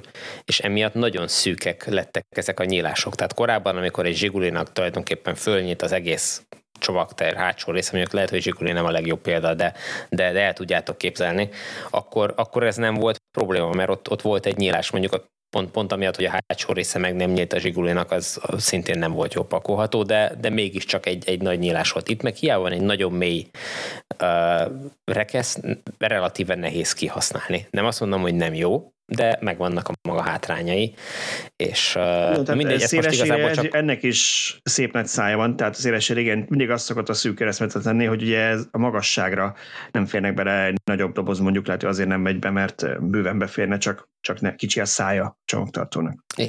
Igen, igen, hát tulajdonképpen ez van. Nyilván azzal lehet ezt egyébként kompenzálni, hogyha ha alól tehát a hátsó részen alól mélyebbre nyílna a a, a nyílás, és gyakorlatilag a, a padló szinten lenne egy magasságba. Viszont akkor meg oda lyukadnánk ki, ahol a, a legjobb, a legtöbb SUV van, hogy, hogy ha, ha valamit oda bedobok a csomagtartóba, és az gurul, akkor a következő ajtónyitásnál az ki fog hátul gurulni, mert semmi pereme nincs a, a csomagtartónak, úgyhogy én egyébként azokat ugye amiatt nem szeretem, de na mindegy, ezt igazából csak azért hoztam föl ezt a csomagtérnyílás metódust, mert hogy ebben is hasonlít a Tesla Model 3-ra. úgyhogy... Milyen kínálat? A, mert itt a, a képek tesek, alapján milyen a helykínálat a képek alapján? A helykínálat egészen, egészen jó. Nem azt mondom, hogy tesztás, de nem, nem is sokkal rosszabb. Tehát viszonylag tágas hátul, és, és bár nem úgy látszik, a, vagy nem feltétlenül látszik úgy a képeken, a, a hátulülőknek a fejtere az jóval tágasabb, mint a, a sima nem X változatnál, tehát hogy, hogy ebben, ebben bővült ez az autó. Én, ne, én nekem nagyon-nagyon tetszett ez az autó. Én, én nagyon uh, fájó szívvel adtam tényleg vissza, mert nagyon kényelmes, nagyon jó a rugózása, sokkal jobb ebben a tekintetben, mint egy Tesla, jobb a hangszigetelése, uh, Úgyhogy tényleg egy nagyon kellemes autó vezetni, hát nyilván nem egy, nem egy rakéta, nem gyorsul úgy, mint egy Tesla, a fogyasztása is talán egy picit magasabb, de például 110-es tempóval, 110-115-ös tempóval, amikor mentem Sopronba, akkor 16,7 volt a fogyasztása, tehát euh, még csak nem is, nem is olyan nagyon vészes. A PSL még mindig ugyanaz az 50-es akkumulátor van, mint régen, vagy ez nőtt valami? Ugyanaz az 50-es, ebben még az van, mivel ezt tavaly mutatták be, de hát nyilván előbb-utóbb fog ennek is érkezni a frissített változata, amiben már az 54-es akkumulátor lesz, aminek viszont most már tudjuk, nem is tudom melyik autó kapcsán derült ki, hogy ja igen, a DS3 kapcsán, hogy, hogy átszervezték ott a cella számokat, sorban meg párhuzamosan kötött cellák számát, úgyhogy nem lesz már az a magas akufeszültség, mint ami volt ezeknél. Ú, Tehát ez viszont hátrány, mert ez egy, ez egy hatalmas ütőkártya volt ezeknek az autóknak, hogy viszonylag Igen. sokat fogyasztott, de az 50-es töltőkön képes volt 52-vel is tölteni a Igen. 400 volt fölötti feszültség miatt. Így van, ez, ez, még nem láttunk ilyen autót élőbe, vagy hát legalábbis én nem próbáltam még ilyet töltőn, de, de én arra számítok, hogy csökkenni fog ez a képesség. A, azokon a töltőkön, mint ami az Ionity is, hogy, hogy gyakorlatilag nem tudjuk elérni az amper és a, a feszültség korlátját az adott töltőnek, ott továbbra is el fogja tudni érni a 100 kW-os töltési teljesítményt, mint ahogy el is érte ez is, amikor Sopronba mentem, de mivel nincs akku fűtése az autónak, vagy legalábbis fogalmam sincs, hogy hogy lehet rávenni, hogy, hogy bekapcsoljon, amikor tesztelni vittem, a töltési görbét akartam felrajzolni, akkor nem érte el a 100 kW-ot a, a töltés, ott akkor ez egy hideg éjszaka volt, és akkor, akkor nem, nem ment fel addig, 87 kilowattig talán uh, ugrott fel egy pillanatra, utána ilyen 85, meg 80 környékén ment egy darabig. Szóval uh, alapvetően egy, egy nagyon-nagyon jó autó lenne, egyetlen gond van vele, az pedig az ára. Uh, ami, amit, amit igazából nem tudok hova tenni, mert hogyha azokat a dolgokat belerakjuk, amik a Tesla Model 3-ba benne vannak, mondjuk egy alap Model 3-ba, akkor, akkor néhány százezer forinttal kerül csak kevesebb, mint egy Model 3, ami extra van ebbe, ami a Model 3-ban nincs, az a, az a head-up display, hát azt mondom, hogy a nélkül talán lehet élni. Miközben a Teslában alapból a, a standard range, vagy hát most már csak Tesla Model 3-nak hívják, az abba mennyi 55-57 kWh akkumulátor van? Talán most már 57. Bruttó 60, Nettója. nettó 55 szerintem. 55? Nem emeltek egy, azon? Egy 10, egy 10 kWh előnye körülbelül van. Maj, majdnem 10 kWh-val, ugye nem tudjuk a Citroennél pontosan mennyi, 47-tel szoktam számolni, van olyan adat, ami azt mondja, hogy csak 45 a nettó kihasználható, de hogy, hogy, hogy majd, tehát 8-10 kWh-val nagyobb az akkumulátor, néhány százer forintért, kedvezőbb a fogyasztása, működő applikációja van, jó infotainment rendszere van, ezért a pénzért nem tudom, tehát hogy, hogy, hogy nagyon, nagyon kell szeretni a kényelmet azért, hogy, hogy az ember ne a Teslát válassza. Hát ennek is a Tesla árcsökkentés vágott oda, mert ha két millióval több lenne a, a Tesla ára, akkor azt mondja, hogy az ember, akinek amúgy tetszik ez az autó, akkor, akkor inkább bevállalja ezt. Így van. Így van, így van. Mert egyébként nem rossz az autó, csak maga az ára az, ami ö, nem, hogy mondjam, nem, nem, ö, nem stimmel. Hát igen, ugye ez a, ez a szokásos, szokásos felállás, hogy a Tesla-nak ugye levitték az árát, és gyorsan tudják szállítani, és ezekre az autókra megvárni kell, és drágábbak. Nyilván nem csak ez számít az autópiacon, ha csak ez számítana, akkor mindenki csak Teslát venne, de hát nem csak ez számít. Úgyhogy reméljük ez változni fog, hogy ha többi gyártó is döveni a darabszámot, ha több akkumulátorgyára kapcsolódik be a gyártásba, meg, meg több beszállító bővíti a lakógyártók, ezek változni fognak, de jelenleg, jelenleg ez van. Oké. Okay. Na, uh, szerintem akkor térjünk át a, az utolsó hírünkre, utolsó előtti, mert még lesz egy Model X update utána a kommentekről tudunk beszélni. Ez pedig az a bemutató, amin én voltam a Székesfehérő katasztrófavédelem szervezésében. Igazából most meg is akkor hogy berakni egy videót, hogy ha a technika engedi nekünk, meglátjuk, hogy mennyire vagyunk ebbe jó. Szóval kaptak a, a tűzoltók egy ilyen tűzoltótakarónak hívott fire blanket angolul egy ilyen berendezést, aminek az a lényege, berendezés egy, egy eszköz, az a lényege, hogy ez egy nagyon nagy tűzálló plét, 6x8 méteres pléd, amit ráhúznak egy égő autóra. Most itt hagyományos autóval mutatták be, de elektromosnál ugyanez van. És akkor gyakorlatilag ez úgy mondom egyszerűen, hogy megfojtja a tüzet, de aztán gyorsan kis csillagot mellé is teszek, tehát hagyományosnál valóban megfojtja a tüzet, mert nagyjából 20 perc alatt elfogy alatta az oxigén, és és egyszerűen kialszik a tűz. Elektromosnál, hogy elmondták, hogy minek utána a lítium akkumulátor ég is közben saját maga fejleszt oxigént. Nagyjából, hát azt írja a gyártó, hogy 20 plusz perc, de másnap a külföldi tapasztalatok szerintem 50-55 perc kell ahhoz, hogy eláll, el, elaludjon ez a tűz, ez alatt a takaró alatt, de az igazi lényege az, hogy ha ezzel bevonják ezt az autót, akkor az nem, a tűz nem terjed át a többi autóra, vagy a garázsra, és tudják közben hűteni az aszfaltot, meg, meg utána tudják még hűteni az autót is, fel tudnak készülni a nagy mennyiségű víz tehát nagy mennyiségű vizet hozzanak, hogy tovább hűtsék a kocsit, hogy ne gyulladjon vissza. Elmondta az egyik tűzoltó, hogy olyat is láttak már, hogyha 50 fokosra visszahűl az elektromos autó akkumulátora, ami kigyulladt, tehát hogy elérte a tűz, még onnan is vissza tud újra gyulladni, pár perc után újra elkezd emelkedni a hőmérséklet, úgyhogy nyilván itt hosszasan kell hűteniük. Hát az első kérdés az az, hogy nem találtak egy szerencsétlen elektromos autót, amit fel lehetett volna gyűjteni, hogy azon Igen, ez a szegény, ez a szegény, talán Nissan, ha jól láttam, de nem is tudom már milyen, milyen autó volt, ami, amit amit befogtak, hát ez már nem először jutották meg ezen, ezen gyakorol az egész csapat. Volt ott egy Suzuki is nagyon kiégve, de hát nyilván kis összeg kis foci most nem fognak egy EQS-t meggyújtani. Nem baj, demonstrálni demonstrálták hogy mit tud ez a történet, úgyhogy az, az meggyőző volt. Ha belegondolsz, ezt mondta a tűzoltó nekem, hogy alapvetően az a lényege, hogyha itt halszák parkolnak az autók egy parkolóban, vagy mondjuk egy teremgarázsban, vagy mondjuk egy saját garázsodban otthon, akkor ezzel, ha befog, bevonják a kocsit, akkor nem terjed át máshova a tűz, és kárt tudnak menteni vele. Az autó, ami kigyulladt, az így is valószínűleg kuka, de hát az egy ilyen műfaj. Ez, ő azt mondta, hogy hát az elektromos autó úgyis le fog égni, de hát szerintem a hagyományos is még nem nagyon láttam, hogy Bármelyik. Autót, hogy a hagyományos autó kigyullad, eloltják a tűzoltók, nem tudom, mondta, hogy hát azért 4000 liter víz kell, az elektromoshoz 10-11, tehát 4000 liter vizet még ráspriccelni, és aztán azt a, biztos azt mondja, hogy csak ezt csináltassuk meg. Ezt még ki lehet pofozni, tudod? Szerintem bármelyik autó, ami olyan szinten kigyulladt, hogy tűzoltóknak kell tenni, azután totál káros lesz így is. is. Ez annyira jó ez a cucc, én nem is értem, hogy miért nem írják elő, hogy minden autóban legyen ilyen, sőt, tovább megyek, hogyha parkolunk az elektromos autókkal, különösen Győrben, ahol nagyon robbannékonyak az elektromos autók, úgy kéne, hogy esténként, amikor leparkolsz, akkor takard is be a kocsidat elővigyázatosságból, és csak így parkolj. Hát vagy lehetne, ugye ez egy ilyen kis, kis zsáknyi, mint uh-huh. egy, nem tudom, hátizsák vagy ilyesmi méretű, tehát miért nem raknak minden egyes parkoló fölé egy ilyet, és akkor, hogyha tüzet észlel tűzjelző, akkor rögtön be csomagolja, nem? Tehát, hogy Kevesebb rajzfilmet nézzetek, először ezt szeretném mondani. Mellé hozzátenném, hogy 1 millió 600 ezer forint körül van az ára. Hogy most kicsit olcsóbb, hogyha erősödött a forint, mondták, hogy annomkor beszerezték, ennyibe került. Na, tehát nem akkor parkolónként 3 millióból kijönne, nem?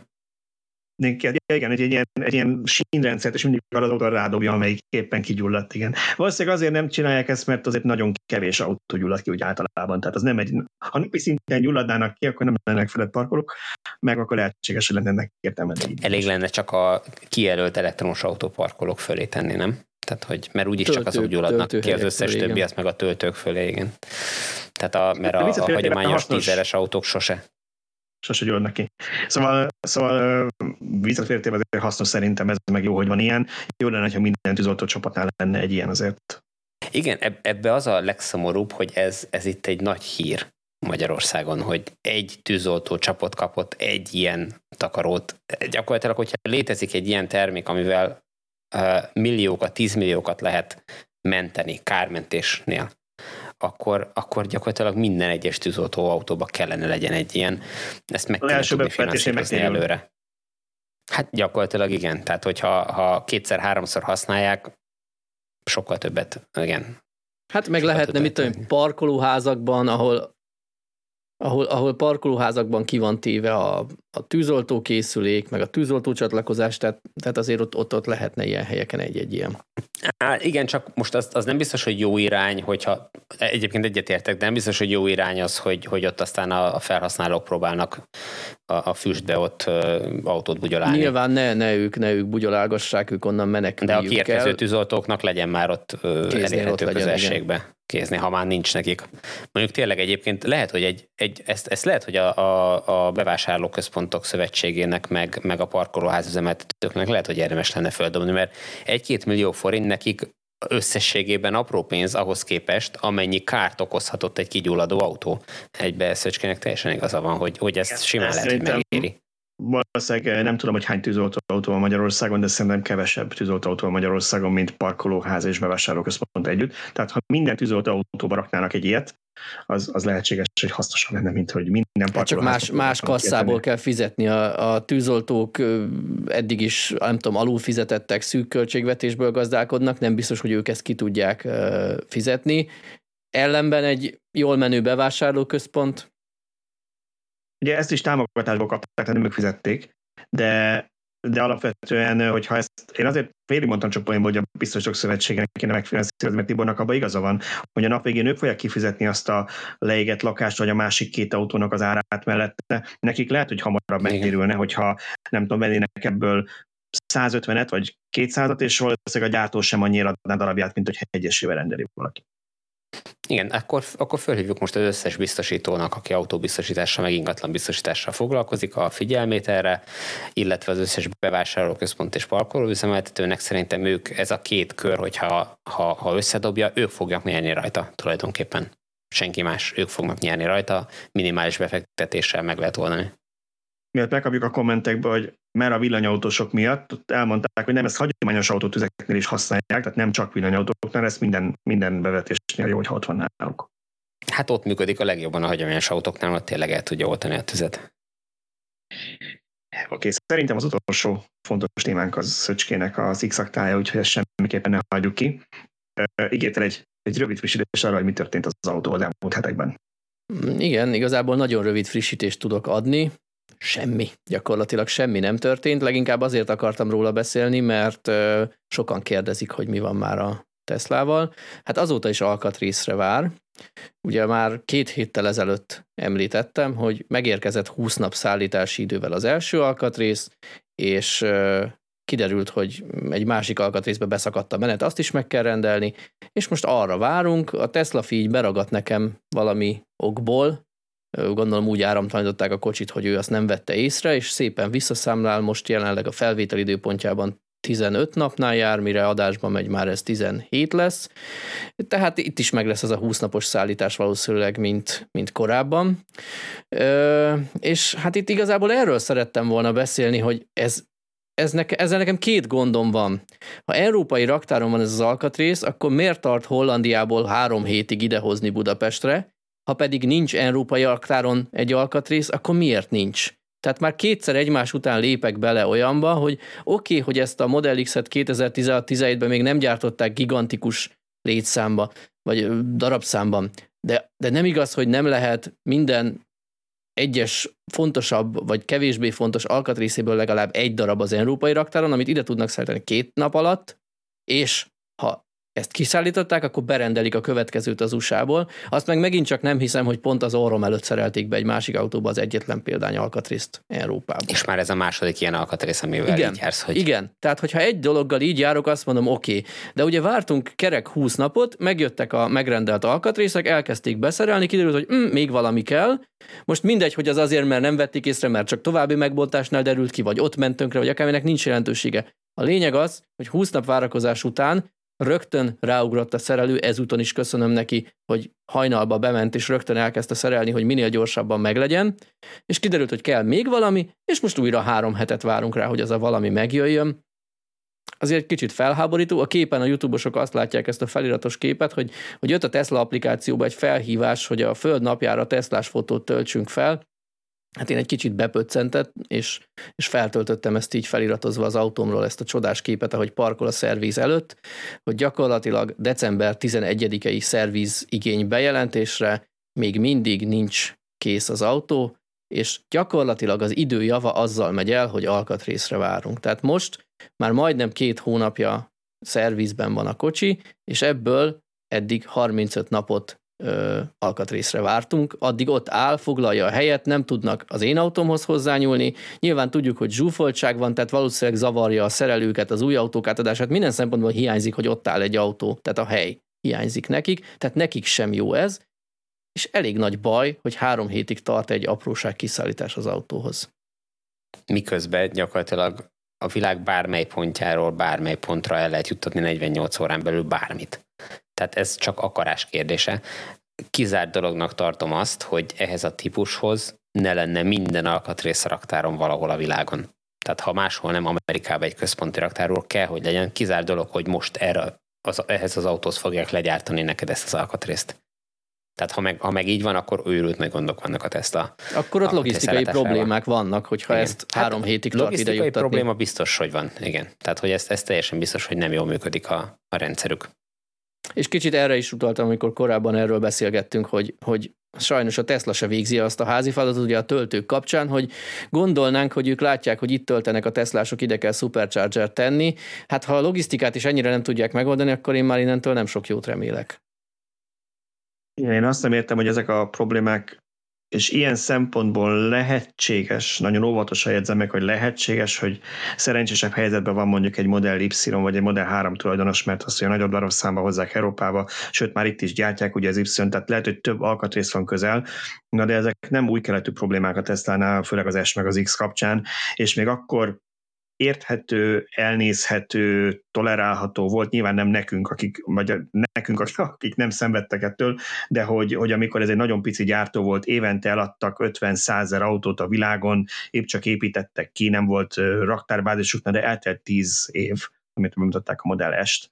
Tehát most már 2023-ban döbbenet, hogy még mindig itt tartunk, hogy 20 napig tart, vagy, vagy hónapokig tart, míg ide ér egy alkatrész Európába, és nem arról van szó, hogy valami nagyon különleges, én nem tudom dolog, ami, amit tényleg újra kell most gyártani, hát kábelekről, meg csatlakozókról, meg csavarokról, meg ilyenekről, borításokról beszélünk, nem? Tehát igen, egy, én csak azt tudom elképzelni, hogy a, a, a két kontinens között a szállítmányozás az valahogy úgy történik, hogy, hogy elkezdik rendelgetni az alkatrészeket, és bepakolják egy konténerbe, és amikor a konténer megtelik, akkor útnak indítják, elküldik. És az valamikor megérkezik ide. Tehát, hogy ők nem Valamilyen takarékosság egyes, lehet. egyes alkatrészeket, de hogyha ha kiszámolnák azt, hogy a várakozó autók, tehát amik ott állnak, és arra az, arra az alkatrésze várnak, minden egyes autót pótolni kell egy másikkal, hogy annak a tulajdonosa közlekedni tudjon, akár bérautó, akár bármi más megoldás, hogy az mi pénzbe kerül, akkor nagy valószínűséggel kijönne, hogy nyugodtan lehetne azokat az alkatrészeket külön-külön is rögtön azonnal fölrakni, mert sokkal olcsóbb lenne még kifizetni azt a, nem tudom, 50 ezer forintos szállítási költséget arra a 10 ezer forintos alkatrészre, mert azzal meg tud spórolni több százezer forint. Hát ugye úgy gondolják, hogy az másnak fáj. Tehát, hogyha, hogyha nem a Tesla adja a csereautót egy tulajdonosnak, akkor nekik nem fáj, hogy a tulajdonosot napi 30-50 ezer forintból autót bérel, hogy tudja használni abban a két hónapban, amíg amíg nincs autója. Én egyébként most elvégeztem ezt a fájdalmas számítást, ez valószínűleg most a napokban ki is fog menni egy cikkünkben a Model X hétköznapok sorozatban. És hát, hát inkább nem lövöm le a poént, hogy milyen összegről van szó, de elég komoly összegről van szó, ami pénzkiesés jelent, és hangsúlyozom, itt nem arról van szó, hogy ennyit fogok fizetni a szerviznek javítási költséget, hanem azt számoltam össze, hogy mibe kerül nekem most az, hogy nem nálam van az autó, hanem a szervizben parkol. Hát igen, cseleszek majd az összegre. És ezt majd azért meg kéne mutatni a Teslának is. Hozzátéve, ugye te azt számolod ki, ha jól sejtem, hogy, hogy ha neked bérelni kellene autót, vagy ha másban lenne a pénzed. Tehát a Így valós van. kiadás az lehet, hogy ennél kevesebb, de ez csak azért, mert valaki tudott neked mondjuk kölcsön autót adni, és nem kell Így van, így van, így van. Eze, ezeket számoltam össze. Gyakorlatilag a, a legnagyobb tétel az az, hogy ha én most az autó árát a bankban tartanám, akkor havonta mennyi kamatot kapnék. Nyilván ezt, ha használnám az autót, akkor is hozzá kell számolni az autó használat költségéhez, de akkor teljesen másképp csapódik le, hiszen akkor ezt úgy fogom fel, hogy ennyiért kapom az autót, hogy én használhassam. De ha Most nincs nálam az semmit. autó, akkor semmit nem kapok, de ugyanúgy elbukom a kamatot, tehát ez egy nagy tétel. Szerencsére a családban, baráti körben kaptam kölcsönautókat, ugye még a Bécsi időszakban pont tesztautó is volt nálam, úgyhogy akkor tehát, tehát sem akkor, sem most nem kellett autót bérelnem, de ezzel én eleve egy ö, sokkal kevésbé komfortos, vagy teljesen más kategóriai autót tudtam használni. Megnéztem interneten Magyarországon, hogy körülbelül milyen költségbe kerülne, ha én az enyémhez hasonló Model X-et szeretnék bérelni, és oda jutottam, hogy ilyen 30 és 100 ezer forint között per nap, Nyilván akkor lesz olcsó, akkor jutok a 30 ezer forint közelébe, hogyha előre megmondom, hogy két hónapra kibérlem. Na de én nekem hiába van két hónapig szerviz az autóm, én folyamatosan abban reménykedtem, hogy ez max. két hét lesz, és ha nem most, akkor a jövő héten visszakapom, tehát én előre nem tudtam volna egy bérlős céggel leszerződni, hogy két hónapra kifizetem, tehát nekem a viszonylag drága, vagy akár a legdrágább napi díjat kellett volna fizetni, mert az elején megmondtam volna, hogy két hétre kérem az autót, mert várhatóan annyi ideig ott lesz. Ők arra azt mondják, hogy jó, akkor 70 ezer per napért adnak nekem egy Model X-et, és utána hosszabbítgathattam volna, ha csak nem mondjuk valaki más lefoglalja és kibérli előttem azt az autót, mert nyilván nincs a, a magyar autóbérlési piacon korlátlan számban elérhető Model X. Tehát ezt az összeget nem fizetem ki, de ez egy, ez egy tényleg egy több millió forintos összegre rúghat, és ezen kívül kiszámoltam azt is, hogy milyen pénz és időkiesés jelent az, hogy az autót el kell vigyem esetleg Bécsbe. Jó, az valamilyen szinten a saját döntés volt, hogy abba a szerviző vittem, nem a budapestibe, de én továbbra is hiszem azt, hogy azért a budapesti szervizben jelenleg tapasztalható pozitív hozzáállásnak előfeltétele volt az, hogy én előtte megírtam ezt a bécsi szívást. Valószínűleg akkor is foglalkoztak volna vele Budapesten, ha egyenesen oda megyek, de valószínűleg kapott egy kis kiemelt figyelmet emiatt, tehát lehet, hogy akkor a budapesti szerviz még a mostaninál is hosszabbra nyúlt volna esetleg de, de tényleg ezek a legkisebb költségek, illetve nekem például van egy ilyen szerencsém, hogy amikor megvettem az autót, nagyon morfondíroztam, hogy kössek-e kaszkót, vagy nem, ilyen 650 ezres ajánlatot kaptam éves díjként, és végül úgy döntöttem, hogy én hazárdjátékos vagyok, nem kötök kaszkót, bár elég hülyeség, nem tanácsolom senkinek, mert tényleg egy kavics felverődés a szélvédőre milliós tétel lehet a Model X-nél. Nyilván egy apró kis koccanásból hatalmas összeget össze lehet hozni. Mindegy, én úgy döntöttem, hogy nem kötött meg. És most kifejezetten örülök ennek, mert gyakorlatilag havi 50 ezer forintot spórolok azon, hogy nincs kaszkóm, hiszen ha nem használom az autót, hanem a szerviz parkolójába áll, akkor gyakorlatilag tök feleslegesen fizetném a kaszkót. Igen. Na nézzük a kommenteket, mert lassan lejár. Nézzük a kommenteket, igen, ezt akartam mondani, hogy kérünk át a, a kommentekre, hogy még legyen rá időnk. Um, gyors, próbálj én is sebességet váltani, hogy átrakjam az agyam oda. Az egyik, az egyik kommentünk, az igen, arról az volt a témánk, most emlékszem, hogy vajon az autópályáról kikerül-e a véletlen ott termő akadályokat, hogy emlékeztek erre a balesetre, hogy az most akkor a, többször hallottam, mert az autós azt mondja, hogy hát ő nem nyúlt a kormány az autópályáról kerültek ki, és ebben nem vagyunk mindig biztosak. Egyik hallgatónk azt írja, hogy neki is volt már, hogy kikerült az autó az úton lévő akadály, egyszer valami doboz, máskor meg egy belógó fágat került ki. Azt mondta, hogy ő nem, mérne azért, nem merné rábízni az életét, hogy ezt mindig megcsinálja, illetve mert nem megfelelő felfestésnél lehet, hogy kóvályog eleve a pozíció, a sávban is keresi a pozíciót, de hogy, hogy úgy érzi, hogy szerinte az autó reagált és kikerült kétszer is legalább. Úgyhogy vannak ilyen anekdotális bizonyítékok. Hallanék már valamit az autópályot tervezőjétől arról, hogy ez ténylegesen feature vagy csak az ember úgy gondolja, hogy igen, igen.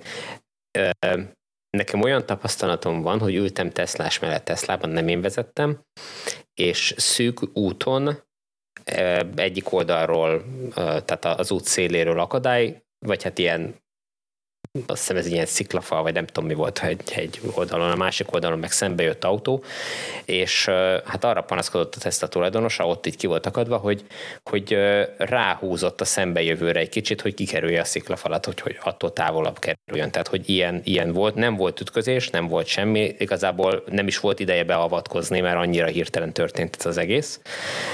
Ilyet hallottam, de nem én tapasztaltam, tehát én ezt nem tudom megmondani, hogy hogy, hogy mi ebben, és ott, ott, bocsánat, ott nem volt bekapcsolva maga az autópályát, ott csak a, a nem is tudom milyen, az akadály kikerülő rendszer az autónak, tehát maga az autópályát nem volt bekapcsolva.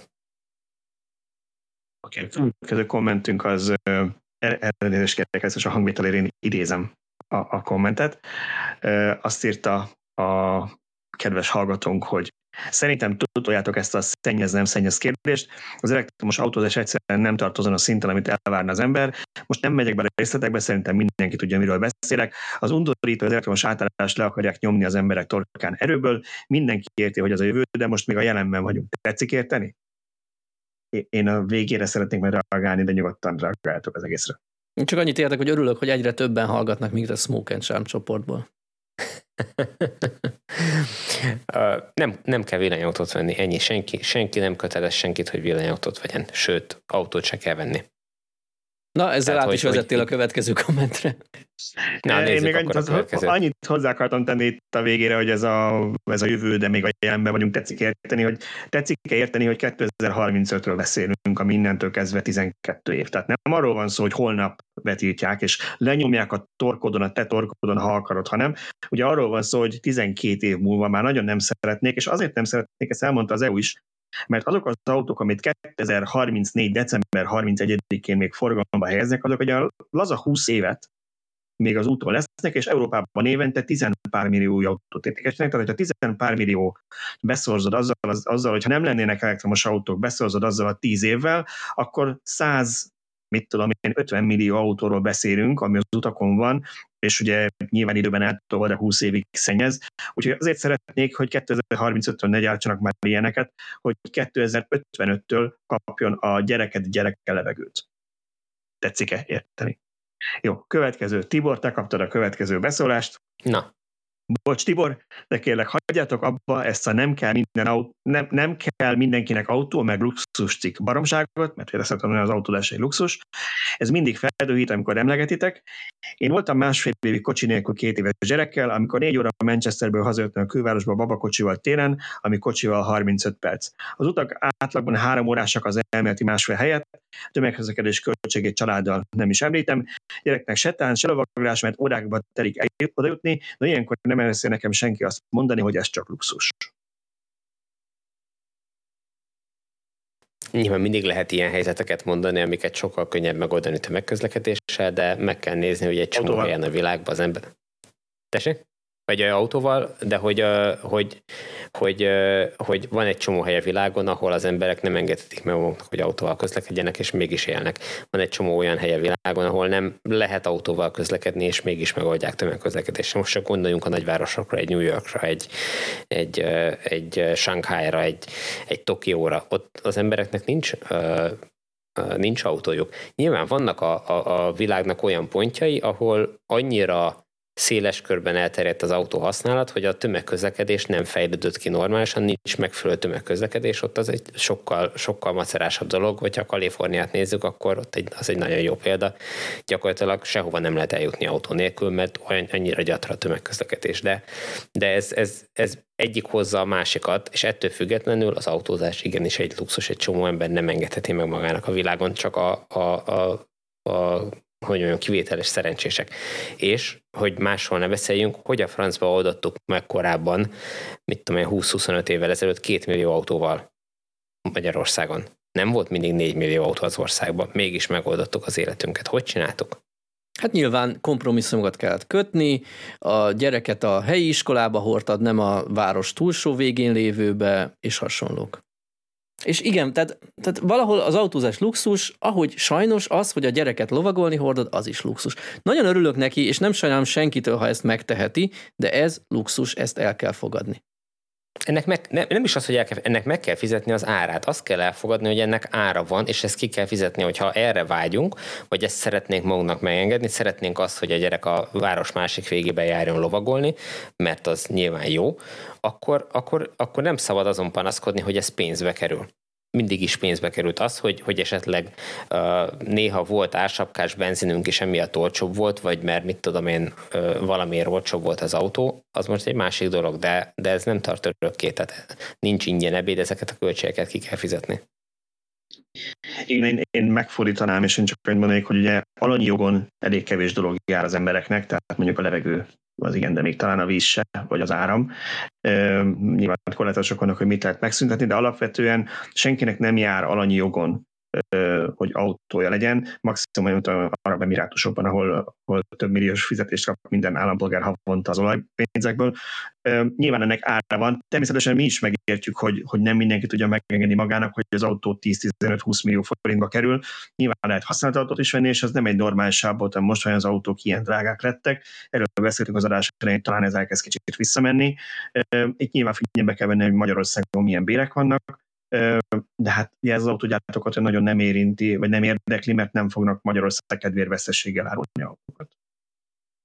Igen, alapvetően nem, nem az, az autó árak magasak, bár nyilván most per pillanat azok is magasak, túlárazott minden, de, de nem ezzel van a probléma. Új autót három-négy évvel ezelőtt csengethetett meg egy átlag magyar magának, tehát hogy, hogy ez, ez, egy, ez eddig is így volt aminek nem az az oka, hogy drágák az autók, hanem az, hogy, hogy piszok keveset keresünk. Tehát, hogy ugyanazt a munkát végezzük el, amit nálunk szerencsésebb országban is elvégeznek emberek, csak ott ezért kétszer-háromszor több pénzt kapnak, és azon belül az autóvásárlás költség az egy más dolog. Illetve azt azért tegyük hozzá, hogy nálunk van egy ilyen görcsös ragaszkodás ahhoz, hogy mi saját ingatlanban akarunk élni. Tehát életünk jelentős részében azért dolgozunk, hogy legyen egy saját ingatlanunk, és azt a hitelt vissza tudjuk fizetni, vagy kuporgatunk, vagy, vagy hitelt fizetünk. És emellé tényleg sokaknak nehezen fér bele az, hogy egy autót is megvásároljanak, pláne újonnan.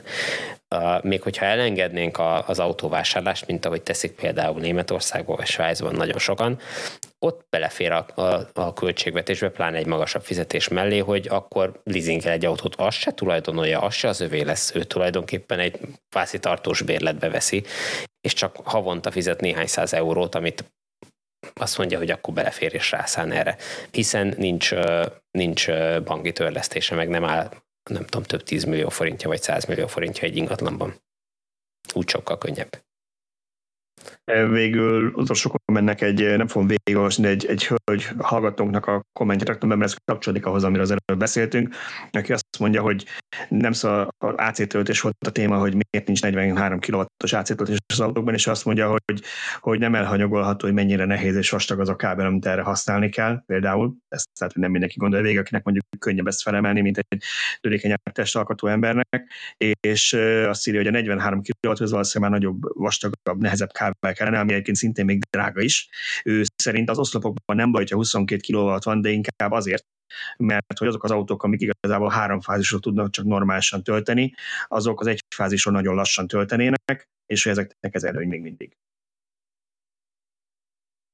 Ezt most nem értettem, össze, nem tudtam összerakni ezt, a, ezt az ne, tehát a, arra, arra utal szerintem, hogy az egyfázis 32 amper nem lenne jó a 3x16 amperről tölthetős autóknak, igen, igen, igen. a 3x16 meg nem lenne jó az 1x32-ről tölthetőknek. Tehát legyen ott az oszlopban a 22 kW, mert lesz, aki abból csak egy fázison használ 7,2-t, mm. meg lesz, aki három fázison 11-et, bár ez annyiban nem igaz, hogy a háromfázisú 11 kW-os autók szerintem mindegyiket tud 7,2-ről tölteni, 1x32-ről is. Igen. Oké, okay. hát ennyi volt a mai komment cunami. Nagyon szépen köszönjük mindenkinek a figyelmet. Reméljük, hogy mit hallottunk némi recsegést felvétel közben a felvételben, de nagyon reméljük, hogy ez a végső felvétel nincs erre, csak minket boldogított. Ha belehallatszott, akkor elnézést kérünk, jövő héten kitaláljuk, hogy hogyan ne legyen. Most használtuk először ezt az új platformot, és még tanulgatjuk, hogyan működik. Azt én látom, hogy a számítógépen folyamatosan 100%-os processzor terhelés lehet üzemelni, mert nyilván nem tudom, atomfizikai kísérleteket modellezek közben a háttérben azért indokolt ez, úgyhogy reméljük, hogy ebből is semmit nem éreztetek? Bitcoin, ezért azt leállítottad? Azt a bitcoin, Láttam, bitcoin, bitcoin erre, erre, a pár órára leállítottam a bitcoin bányászást, igen. Okay. Jó, jó. Úgyhogy nagyon szépen köszönjük mindenkinek a figyelmet, találkozunk jövő héten ugyanitt a 173. villanyórában. Sziasztok! Szavazzatok a magyar helyszínekre a Tesla szavazáson. Sziasztok! Sziasztok!